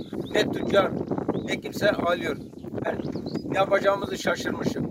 Adanalı karpuz üreticisi Şahin Yılmaz zararda. Ürününün değeri masrafını karşılamadı. Karpuzlar tarlada kaldı. Ne yapacağını düşünürken Tarım İlçe Müdürlüğü'nden mesaj geldi. Ürünü kaldırın böcek yapıyor dendi. Yılmaz'ın karpuzunu sürecek mazot almaya bile parası kalmamıştı. Yine borç aldı. Kazanamadığı gibi bir de borcuna borç katmış oldu. Yani sürecek dahil mazotumu bulamıyorum. Borcu aldım ve sürmek zorunda kaldım. Henüz daha hasat başlamadan İran'dan, Afrika'dan, Ürdün'den karpuz ithal ederek turfanda özelliğini yitirtiyorsunuz ülkenin. Özellikle Adana'da Türkiye'nin en güzel karpuzunun üretildiği bir yerde daha sezonun başında satılmamaya başlamışsa bunun sonu nereye varır? Adana'da hasat zamanı ve birçok üründe yaşadığı sıkıntı karpuzda da karşısına çıktı üreticinin. Toplayıp satacağı fiyat üretim maliyetlerini bile karşılamadığı için çiftçi karpuzunu tarlada bıraktı. İşçi tarımdan Ziraat Odası'ndan bize bir mesaj geldi. Tarlada karpuzunuzu bırakmayı sürün. Sü- süremezseniz cezalı durumuna düşeceksiniz. Bütün bitkiye zarar veriyormuş. O yüzden e, kalkmadığı için bir de sürmek zorunda kalıyoruz. Tarlada bırakılan ürün Akdeniz meyve sineğine neden olacağı ve diğer ürünleri de etkileyeceği için bütün çiftçilere gittiği gibi Şahin Yılmaz'a da mesaj gitti. O da borç alıp karpuzlarının üstünden geçti. Süreceği karpuzun mazotunu alamayacak duruma gelmiş üretici. Soğanda da yaşadık, kavunda da yaşadık. Eğer bunlar böyle devam ederse üretici bir süre sonra ekmemeye başlayacak. Üreticinin beklentisi böcekle mücadele eden Tarım Bakanlığı'nın ağır maliyetlerle de mücadele etmesi, ürünün neden tarlada kaldığını sorgulaması. Maalesef çiftçimiz bu durumda seslerini duyurmaya çalışıyorlar. Borçlular üzerlerinde de ciddi bir maliyet baskısı var. O maliyet baskısıyla onlar üretmeye, alın terleriyle paralarını kazanmaya çalışırken bakıyorlar tarlada 25 kuruş memleketin çeşitli yerlerine gönderiyorlar. Büyük kentlere gönderildiğinde mahsullerinin, emeklerinin 2 lira, 3 liradan satıldığını görüyorlar ve para kazanamıyorlar. Maalesef maalesef dediğimiz konulardan bir tanesi bu. Bir de bir başka hani dün geceden yeni güne taşınan maalesefimiz var. O da bizim çocuklar, bizim çocuklar maalesef kazanamadılar ve işleri de mucizeye kaldı. Fox Spor Müdürü Elvan Arat şu anda yanımızda. Elvan abi ne oldu dün akşam? Dün akşam maalesef ki e, A milli takımımız İtalya'dan 3 yedi, Galler'den 2 yedi ve Euro 2020 Avrupa Futbol Şampiyonası'nda gruptan çıkma şansını neredeyse sıfırladı diyebiliriz. Yani mucize bile kurtarmaz artık. Ee, dün Mucize diyerek biraz iyimser mi yaklaşıyoruz? Yani o kendimizi teselli etmek için ama e, bu bile imkansız çünkü eksi 5 averajı var. İki maçta yenen 5 gol var. Atılamayan gol var yani sıfır gol Hiç sayımız. E, ilk maçta İtalya'daki karşı İtalya maçındaki oyun çok kötüydü. Galler karşısında milli takımımız biraz daha topla oynadı. Daha iyi göründü ama yine e, hem savunmada hem Gerçekten ofansif daha yönde. iyi göründü mü? Biraz da bir tık. Yani takım bireysel olarak... Yani 90 dakikada kaç dakika? 90 dakikada 10 dakika belki. 10 dakika. Yani bireysel olarak futbolcularımız gerçekten yetenekli. Ama takım olarak takım olarak e, bunu sahaya yansıtmakta e, güçlük çekiyorlar. Böyle bir sıkıntıyla karşı karşıyayız. Teknik direktör Şenol Güneş bunun sorumlusu benim dedi. E, sorumlusu Şenol Güneş ise bunun da sorumluluğunu yerine getirecek mi? E, turnuva bittikten sonra hep beraber göreceğiz. Şimdi bu takım, bu kadro, bu jenerasyon değil miydi dünya şampiyonluğu Fransa'yı yenen? Evet. Demek ki bir yerde e, eksikler var, bir takım hatalar var. Teknik direktör Şenol Güneş'in demek ki takım üzerinde e, istediği oyunu sahaya yansıtacak şekilde ya motivasyon eksikliği ya teknik taktik eksikliği var. Rakip analizlerini yapamıyor demek ki böyle sıkıntılarımız var. Yoksa bireysel olarak futbolcularımız biliyorsun şampiyonluklar yaşayan Avrupa'da lejyoner futbolcularımız hepsi mevcut. Evet. Ama bunu takım oyunu içerisinde bu turnuvada maalesef gösteremedik. O yüzden de e, geldiğimiz nokta bu. Euro 2020 e, turnuvasında gruptan çıkmamız artık hayal oldu. E, gerçekten çok üzücü. Yani turnuva başlamadan önce hepimizi umutlandıran e, elemelerden bugüne gelen e, oyunları Mesela gördük. Elemeler Umutluyduk. grubu mu zordu, şimdiki grup mu zor? Elemeler daha zordu aslında. Ya dünya e, Avrupa Şampiyonası tabii ki mesela İtalya gruptan çıkmayı garantiledi. İki maçta 6 6 gol atıp 6 puanı hanesine yazdırır. Çok güçlü ve e, son dörde kalabilecek belki de şampiyonluğun en güçlü adaylarından bir tanesi. Evet. Ama Galler, Galler'i de bir şekilde yenmemiz lazımdı. Bunu milli takımımız Ama e, Galler başaramadı. defalarca çalıştıkları pozisyonları e, dün çok rahat bir şekilde evet. bize karşı bulabilme imkanına sahip oldu. Çalışıyorlar. Bunun taktik, teknik e, idmanlarını yapıyorlar ve onu sahaya yansıtabiliyorlar. Bizde maalesef böyle bir şey yok. Yani Bale'ın e, verdiği asiste biliyorsun kornerden gelen topla çok Son güzel dakika. oynuyor, oynuyor, oynuyor. E, oyuncuyu pası verdi ve e, golü buldular. Ya mesela hani mucize diyoruz ya bir golle kaybedersek o yediğimiz pis pisine yediğimiz gol her şey Felaket şey olacak aslında. Evet. Yani Merih de mesela e, çok kötü gol kaçırdı. Kaleci kurtardı. O evet. gol olsaydı Merih açısından da çok iyi olacak. Çünkü İtalya maçında biliyorsun e, kendisi de çarpıp giren e, top evet. gol oldu. Onun moral bozukluğu vardı. Mesela Şenol Hoca burada da Merih'i kesti. İkinci yarıda tekrar oyunu aldı ama böyle de bir futbolcu da yıkım oldu. Onu atsaydı o da kendi Neden sorumluluk bende dedi? İstersen Elvan abi bir e, Şenol Güneş'i evet. dinleyelim. Evet. Bir aynen. Şenol Güneş'i dinleyelim. Ee, sonra Yine hani Galatasaray'da bir başkanlık yarışı var. Misafirimiz de geldi. Şenol Güneş'ten sonra misafirimizi alalım. Bu turnuva için e, uzun süre hayaller kurduk. İyi oyunla, iyi sonuçta buradan çıkacağımızı düşünüyorduk. Ama kötü bir başlangıç İtalya maçıyla. Bu maçın da ilk 25-30 dakikasına yansıyarak olumsuzdu. Ondan sonra oyuna ortak olduk. Oyunu da kontrol elimize geçirdik. Fakat uzun atılan defans arkasında topla yediğimiz gol sırası rakibin direnci arttı. Biz e, kazanmayı düşünürken beraber bile kalamadık. Yani zaten işin sorumlusu benim. Kaybetmeyin yani oyuncuları görevli. Oyuncuları sorumlu olarak görmek doğru değil. Onlar kendi görevlerinden sorumlu. Eğer bunu soruyorsanız e, oyunu skoru iyi değilse sorumlusu benim. Ben takımın olabilecek en iyi şekilde çıkardım. İlk maça göre işte olumsuz olan Yani takımın tümü olumsuzdu ama Okay ve e, Ozan'dan bugün daha iyi oyun bekliyordum. Olmayınca onları değiştirdim. iki orta saha. Bu sefer daha e, yaratıcı oyuncular öne koyarak arkasında da bir kesici yani zaman zaman üçlüye dönecek şekilde Kaan'ı iki stoperle oynattım. Bu Ozan da olabilirdi. Merit de. Merit daha bu konuda hazır diye düşündüm. Çağlar da iyi. Yani onun takımın mağlubiyetinin bir oyuncu ve diğer iki oyuncuyla değildi. Tamamına bakmak lazım. Elvan Arat'la misafirimiz geldi. Galatasaray'da bir başkanlık yarışı var ve cumartesi günü acaba o yarış nasıl e, sonuçlanacak? Bir yandan bunu da anlamaya gayret ediyor. Hani siyasette bir erken seçim olacak mı olmayacak mı bunu takip ederken e, bir de şimdi bakalım Galatasaray camiası için önemli bir e, seçim var. Efendim günaydın. Nasılsınız? Günaydın. Çok Eşref teşekkür Hamamcıoğlu ederim. şu anda misafirimiz. Hoş geldiniz. Hoş bulduk. Hoş geldiniz. Keşke hani güzel bir gün olsaydı. Yani güzel bir gün ama hani böyle moralimizi daha yüksek olan bir gün olsaydı. Akşam kazansaydık bizim çocuklar. Bununla başlayalım mı? Siz nasıl gördünüz Tabii, takımı? maalesef dediğiniz gibi güzel bir güne başlayabilirdik ama e, hayatın içinde bunlar var.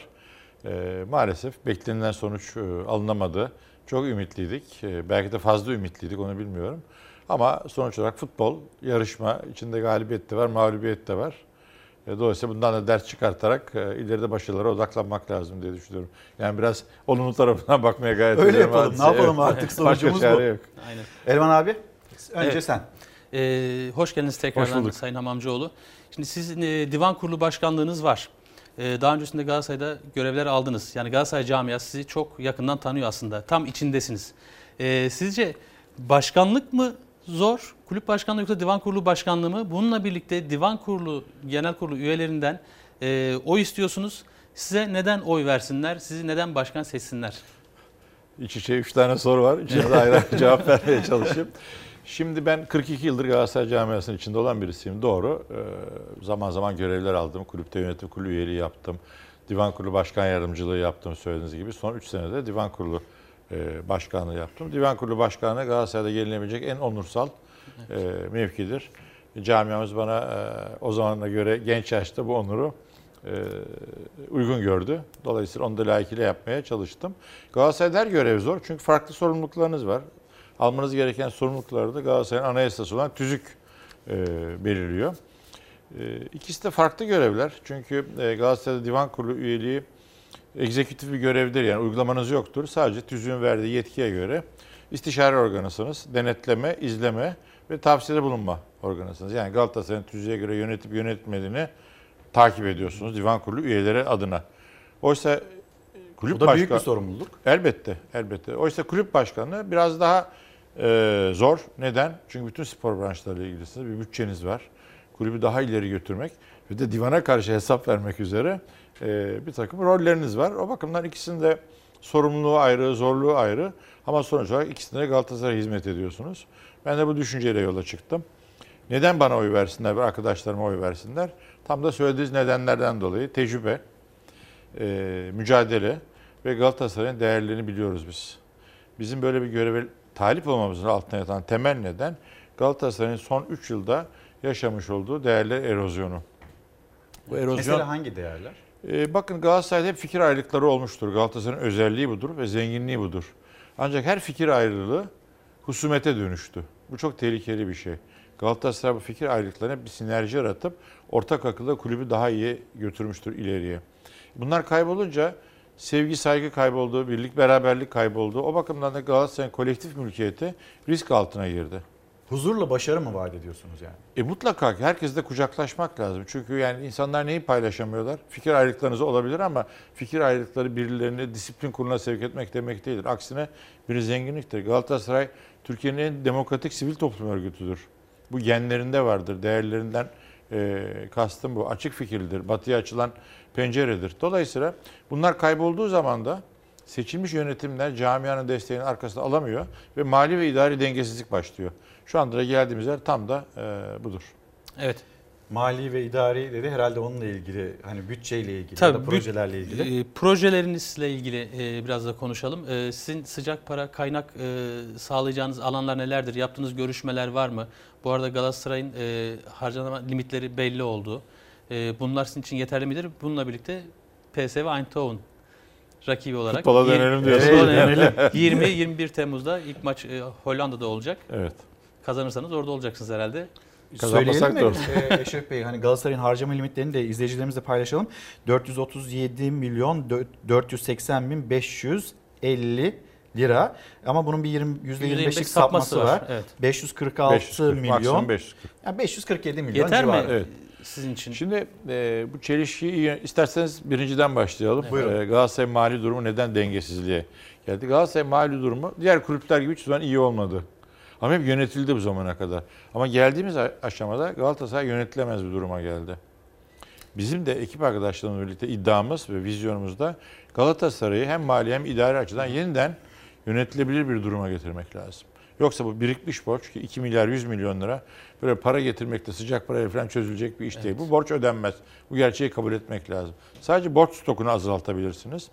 Teminat kapasitenizi arttırabilirsiniz. Ve ondan sonra ancak huzurlu bir ortama kavuşabilirsiniz. Bunun için ne yapmak lazım? Basit. Giderlerinizi azaltacaksınız, Maalesef gelirlerinizi şey. artıracaksınız. Yani oyunun kuralı bu. Bunun için de en ağırlıklı kısım futbol. Çünkü Galatasaray'ın giderlerinin %67'si, %70'i diyelim futboldan kaynaklanıyor. En büyük kambur bu. Evet. Bu demek değildir ki futbolu küçülteceksiniz, hedeflerinden vazgeçeceksiniz. Hayır. Galatasaray her zaman yarışmacı bir ekiptir. Hep başa mücadele eder. Ama bu ara, amaca ulaşmak için araçları değiştirmek zorundasınız. Bunun için de öz kaynaklarınıza döneceksiniz. Kendi imkanlarınızla bunu gidermek zorundasınız. Artık Avrupa kulüplerinde olduğu gibi futbolun bir gider kalemi olmaktan ziyade mutlaka bir gelir merkezi olması lazım. Aksi takdirde hiçbir kulüp bunun altından çıkamaz. Zaten bankalarla yapılan yeniden yapılandırma sözleşmesi bunu size emrediyor. Şimdi burada bir çelişki görüyorum ben harcama limitleriyle. Bir yandan bu kadara kadar harcayabilirsin diyorlar. Öbür taraftan da Bankalar Birliği Sözleşmesi diyor ki bir dur. Bu bir dur ne demek? %30 bütçeni küçülteceksin diyor Bankalar Birliği Sözleşmesi. O bakımdan bizim harca limitlerimiz, harcama limitlerimiz bir yerde elimizde bir dursun. Evet. Marj evet. olarak. Ama öbür tarafta mutlaka ki mutlaka radikal kararları ve tedbirleri almak lazım. Bunun için de projelerden e, söz ettiniz, sordunuz. Galatasaray mutlaka ki mutlaka sportif başarıya bağlı olmayan gelir kalemleri yaratması lazım. Bu da Bunlar, ticari faaliyetler. Forma satışları gibi mi? Ya sadece forma değil. Sadece mi? forma değil. Sponsoru bunun bir kısmı. Burada mutlaka dijital dönüşümü yapmanız lazım. Bütün dünya kulüplerini yapın. Yani bir tarafta dijital dönüşüm, evet. öbür tarafta değerlerinizin pazarlanması. Bizim dijital değerlerimiz var. İçeriklerimizden faydalanmıyoruz. Değil mi?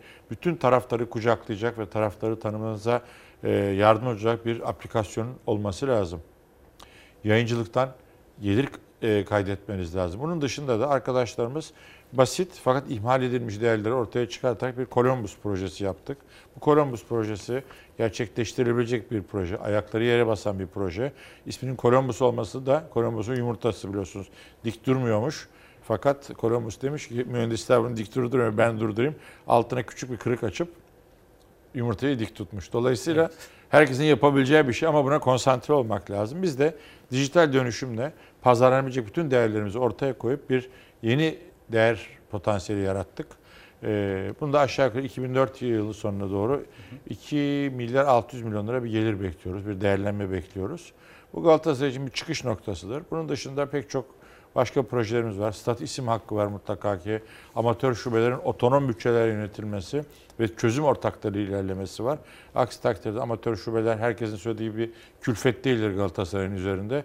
Aksine Galatasaray'ın rol modeli olan Türkiye'nin en önemli sivil toplum örgütü olarak hayatına devam etmesi için önemli bir e, açılmadır amatör şubeler. Efendim şimdi süremiz de azaldı. E, biz Çalar Saat'te bu yarışı da dikkatle takip ediyoruz. Sizin isminiz de var. Adaylar burada. Metin Öztürk, İbrahim Özdemir, Eşref Amamcıoğlu, Burak Elmas, Mehmet Yiğit Şardan. Şimdi herkes merakla bekliyor cumartesi günü yani Galatasaray camiası. Acaba başkan kim olacak diye. Kısa kısa sormak istiyorum. Mesela Fatih Terim Fatih Terim sözleşmesi bitti biliyorsunuz. Ee, Fatih Terim'le birlikte biz de son anda öğrendik sözleşmenin bittiğini maalesef. Fatih Terim Galatasaray'da sembol bir isimdir. Bütün futbolla ilgili başarılarda yer almıştır.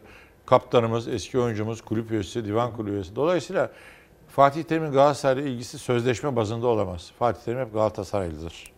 Galatasaray ne zaman ihtiyacı olsa Fatih Terim'e müracaat eder. Sıkça sorulan sorular kapsamına dönecek olursak biz de yönetime geldiğimiz zaman ilk davet edip konuşacağımız kişi Fatih Terim olacaktır.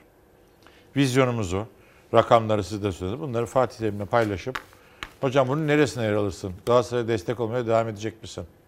İlk onunla konuşacağız.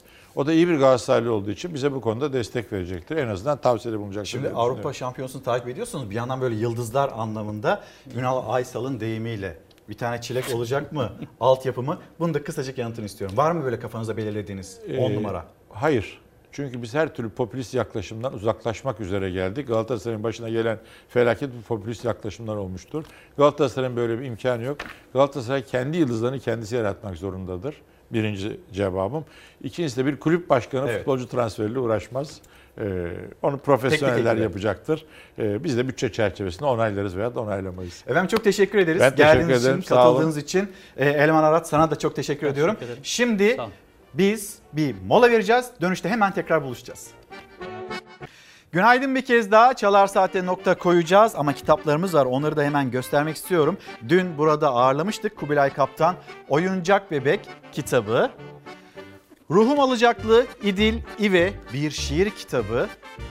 Kadın Dostu Kent İzmir, İzmir'den gelen kitaplarımız aslında İzmir Büyükşehir Belediyesi'nin de e, katkılarıyla ortaya çıkmış olan çalışmalar var. Kadın Dostu Kent İzmir ve 2021 Empati ve Ön Yargı 4. Engelsiz İzmir Ulusal Karikatür Yarışması.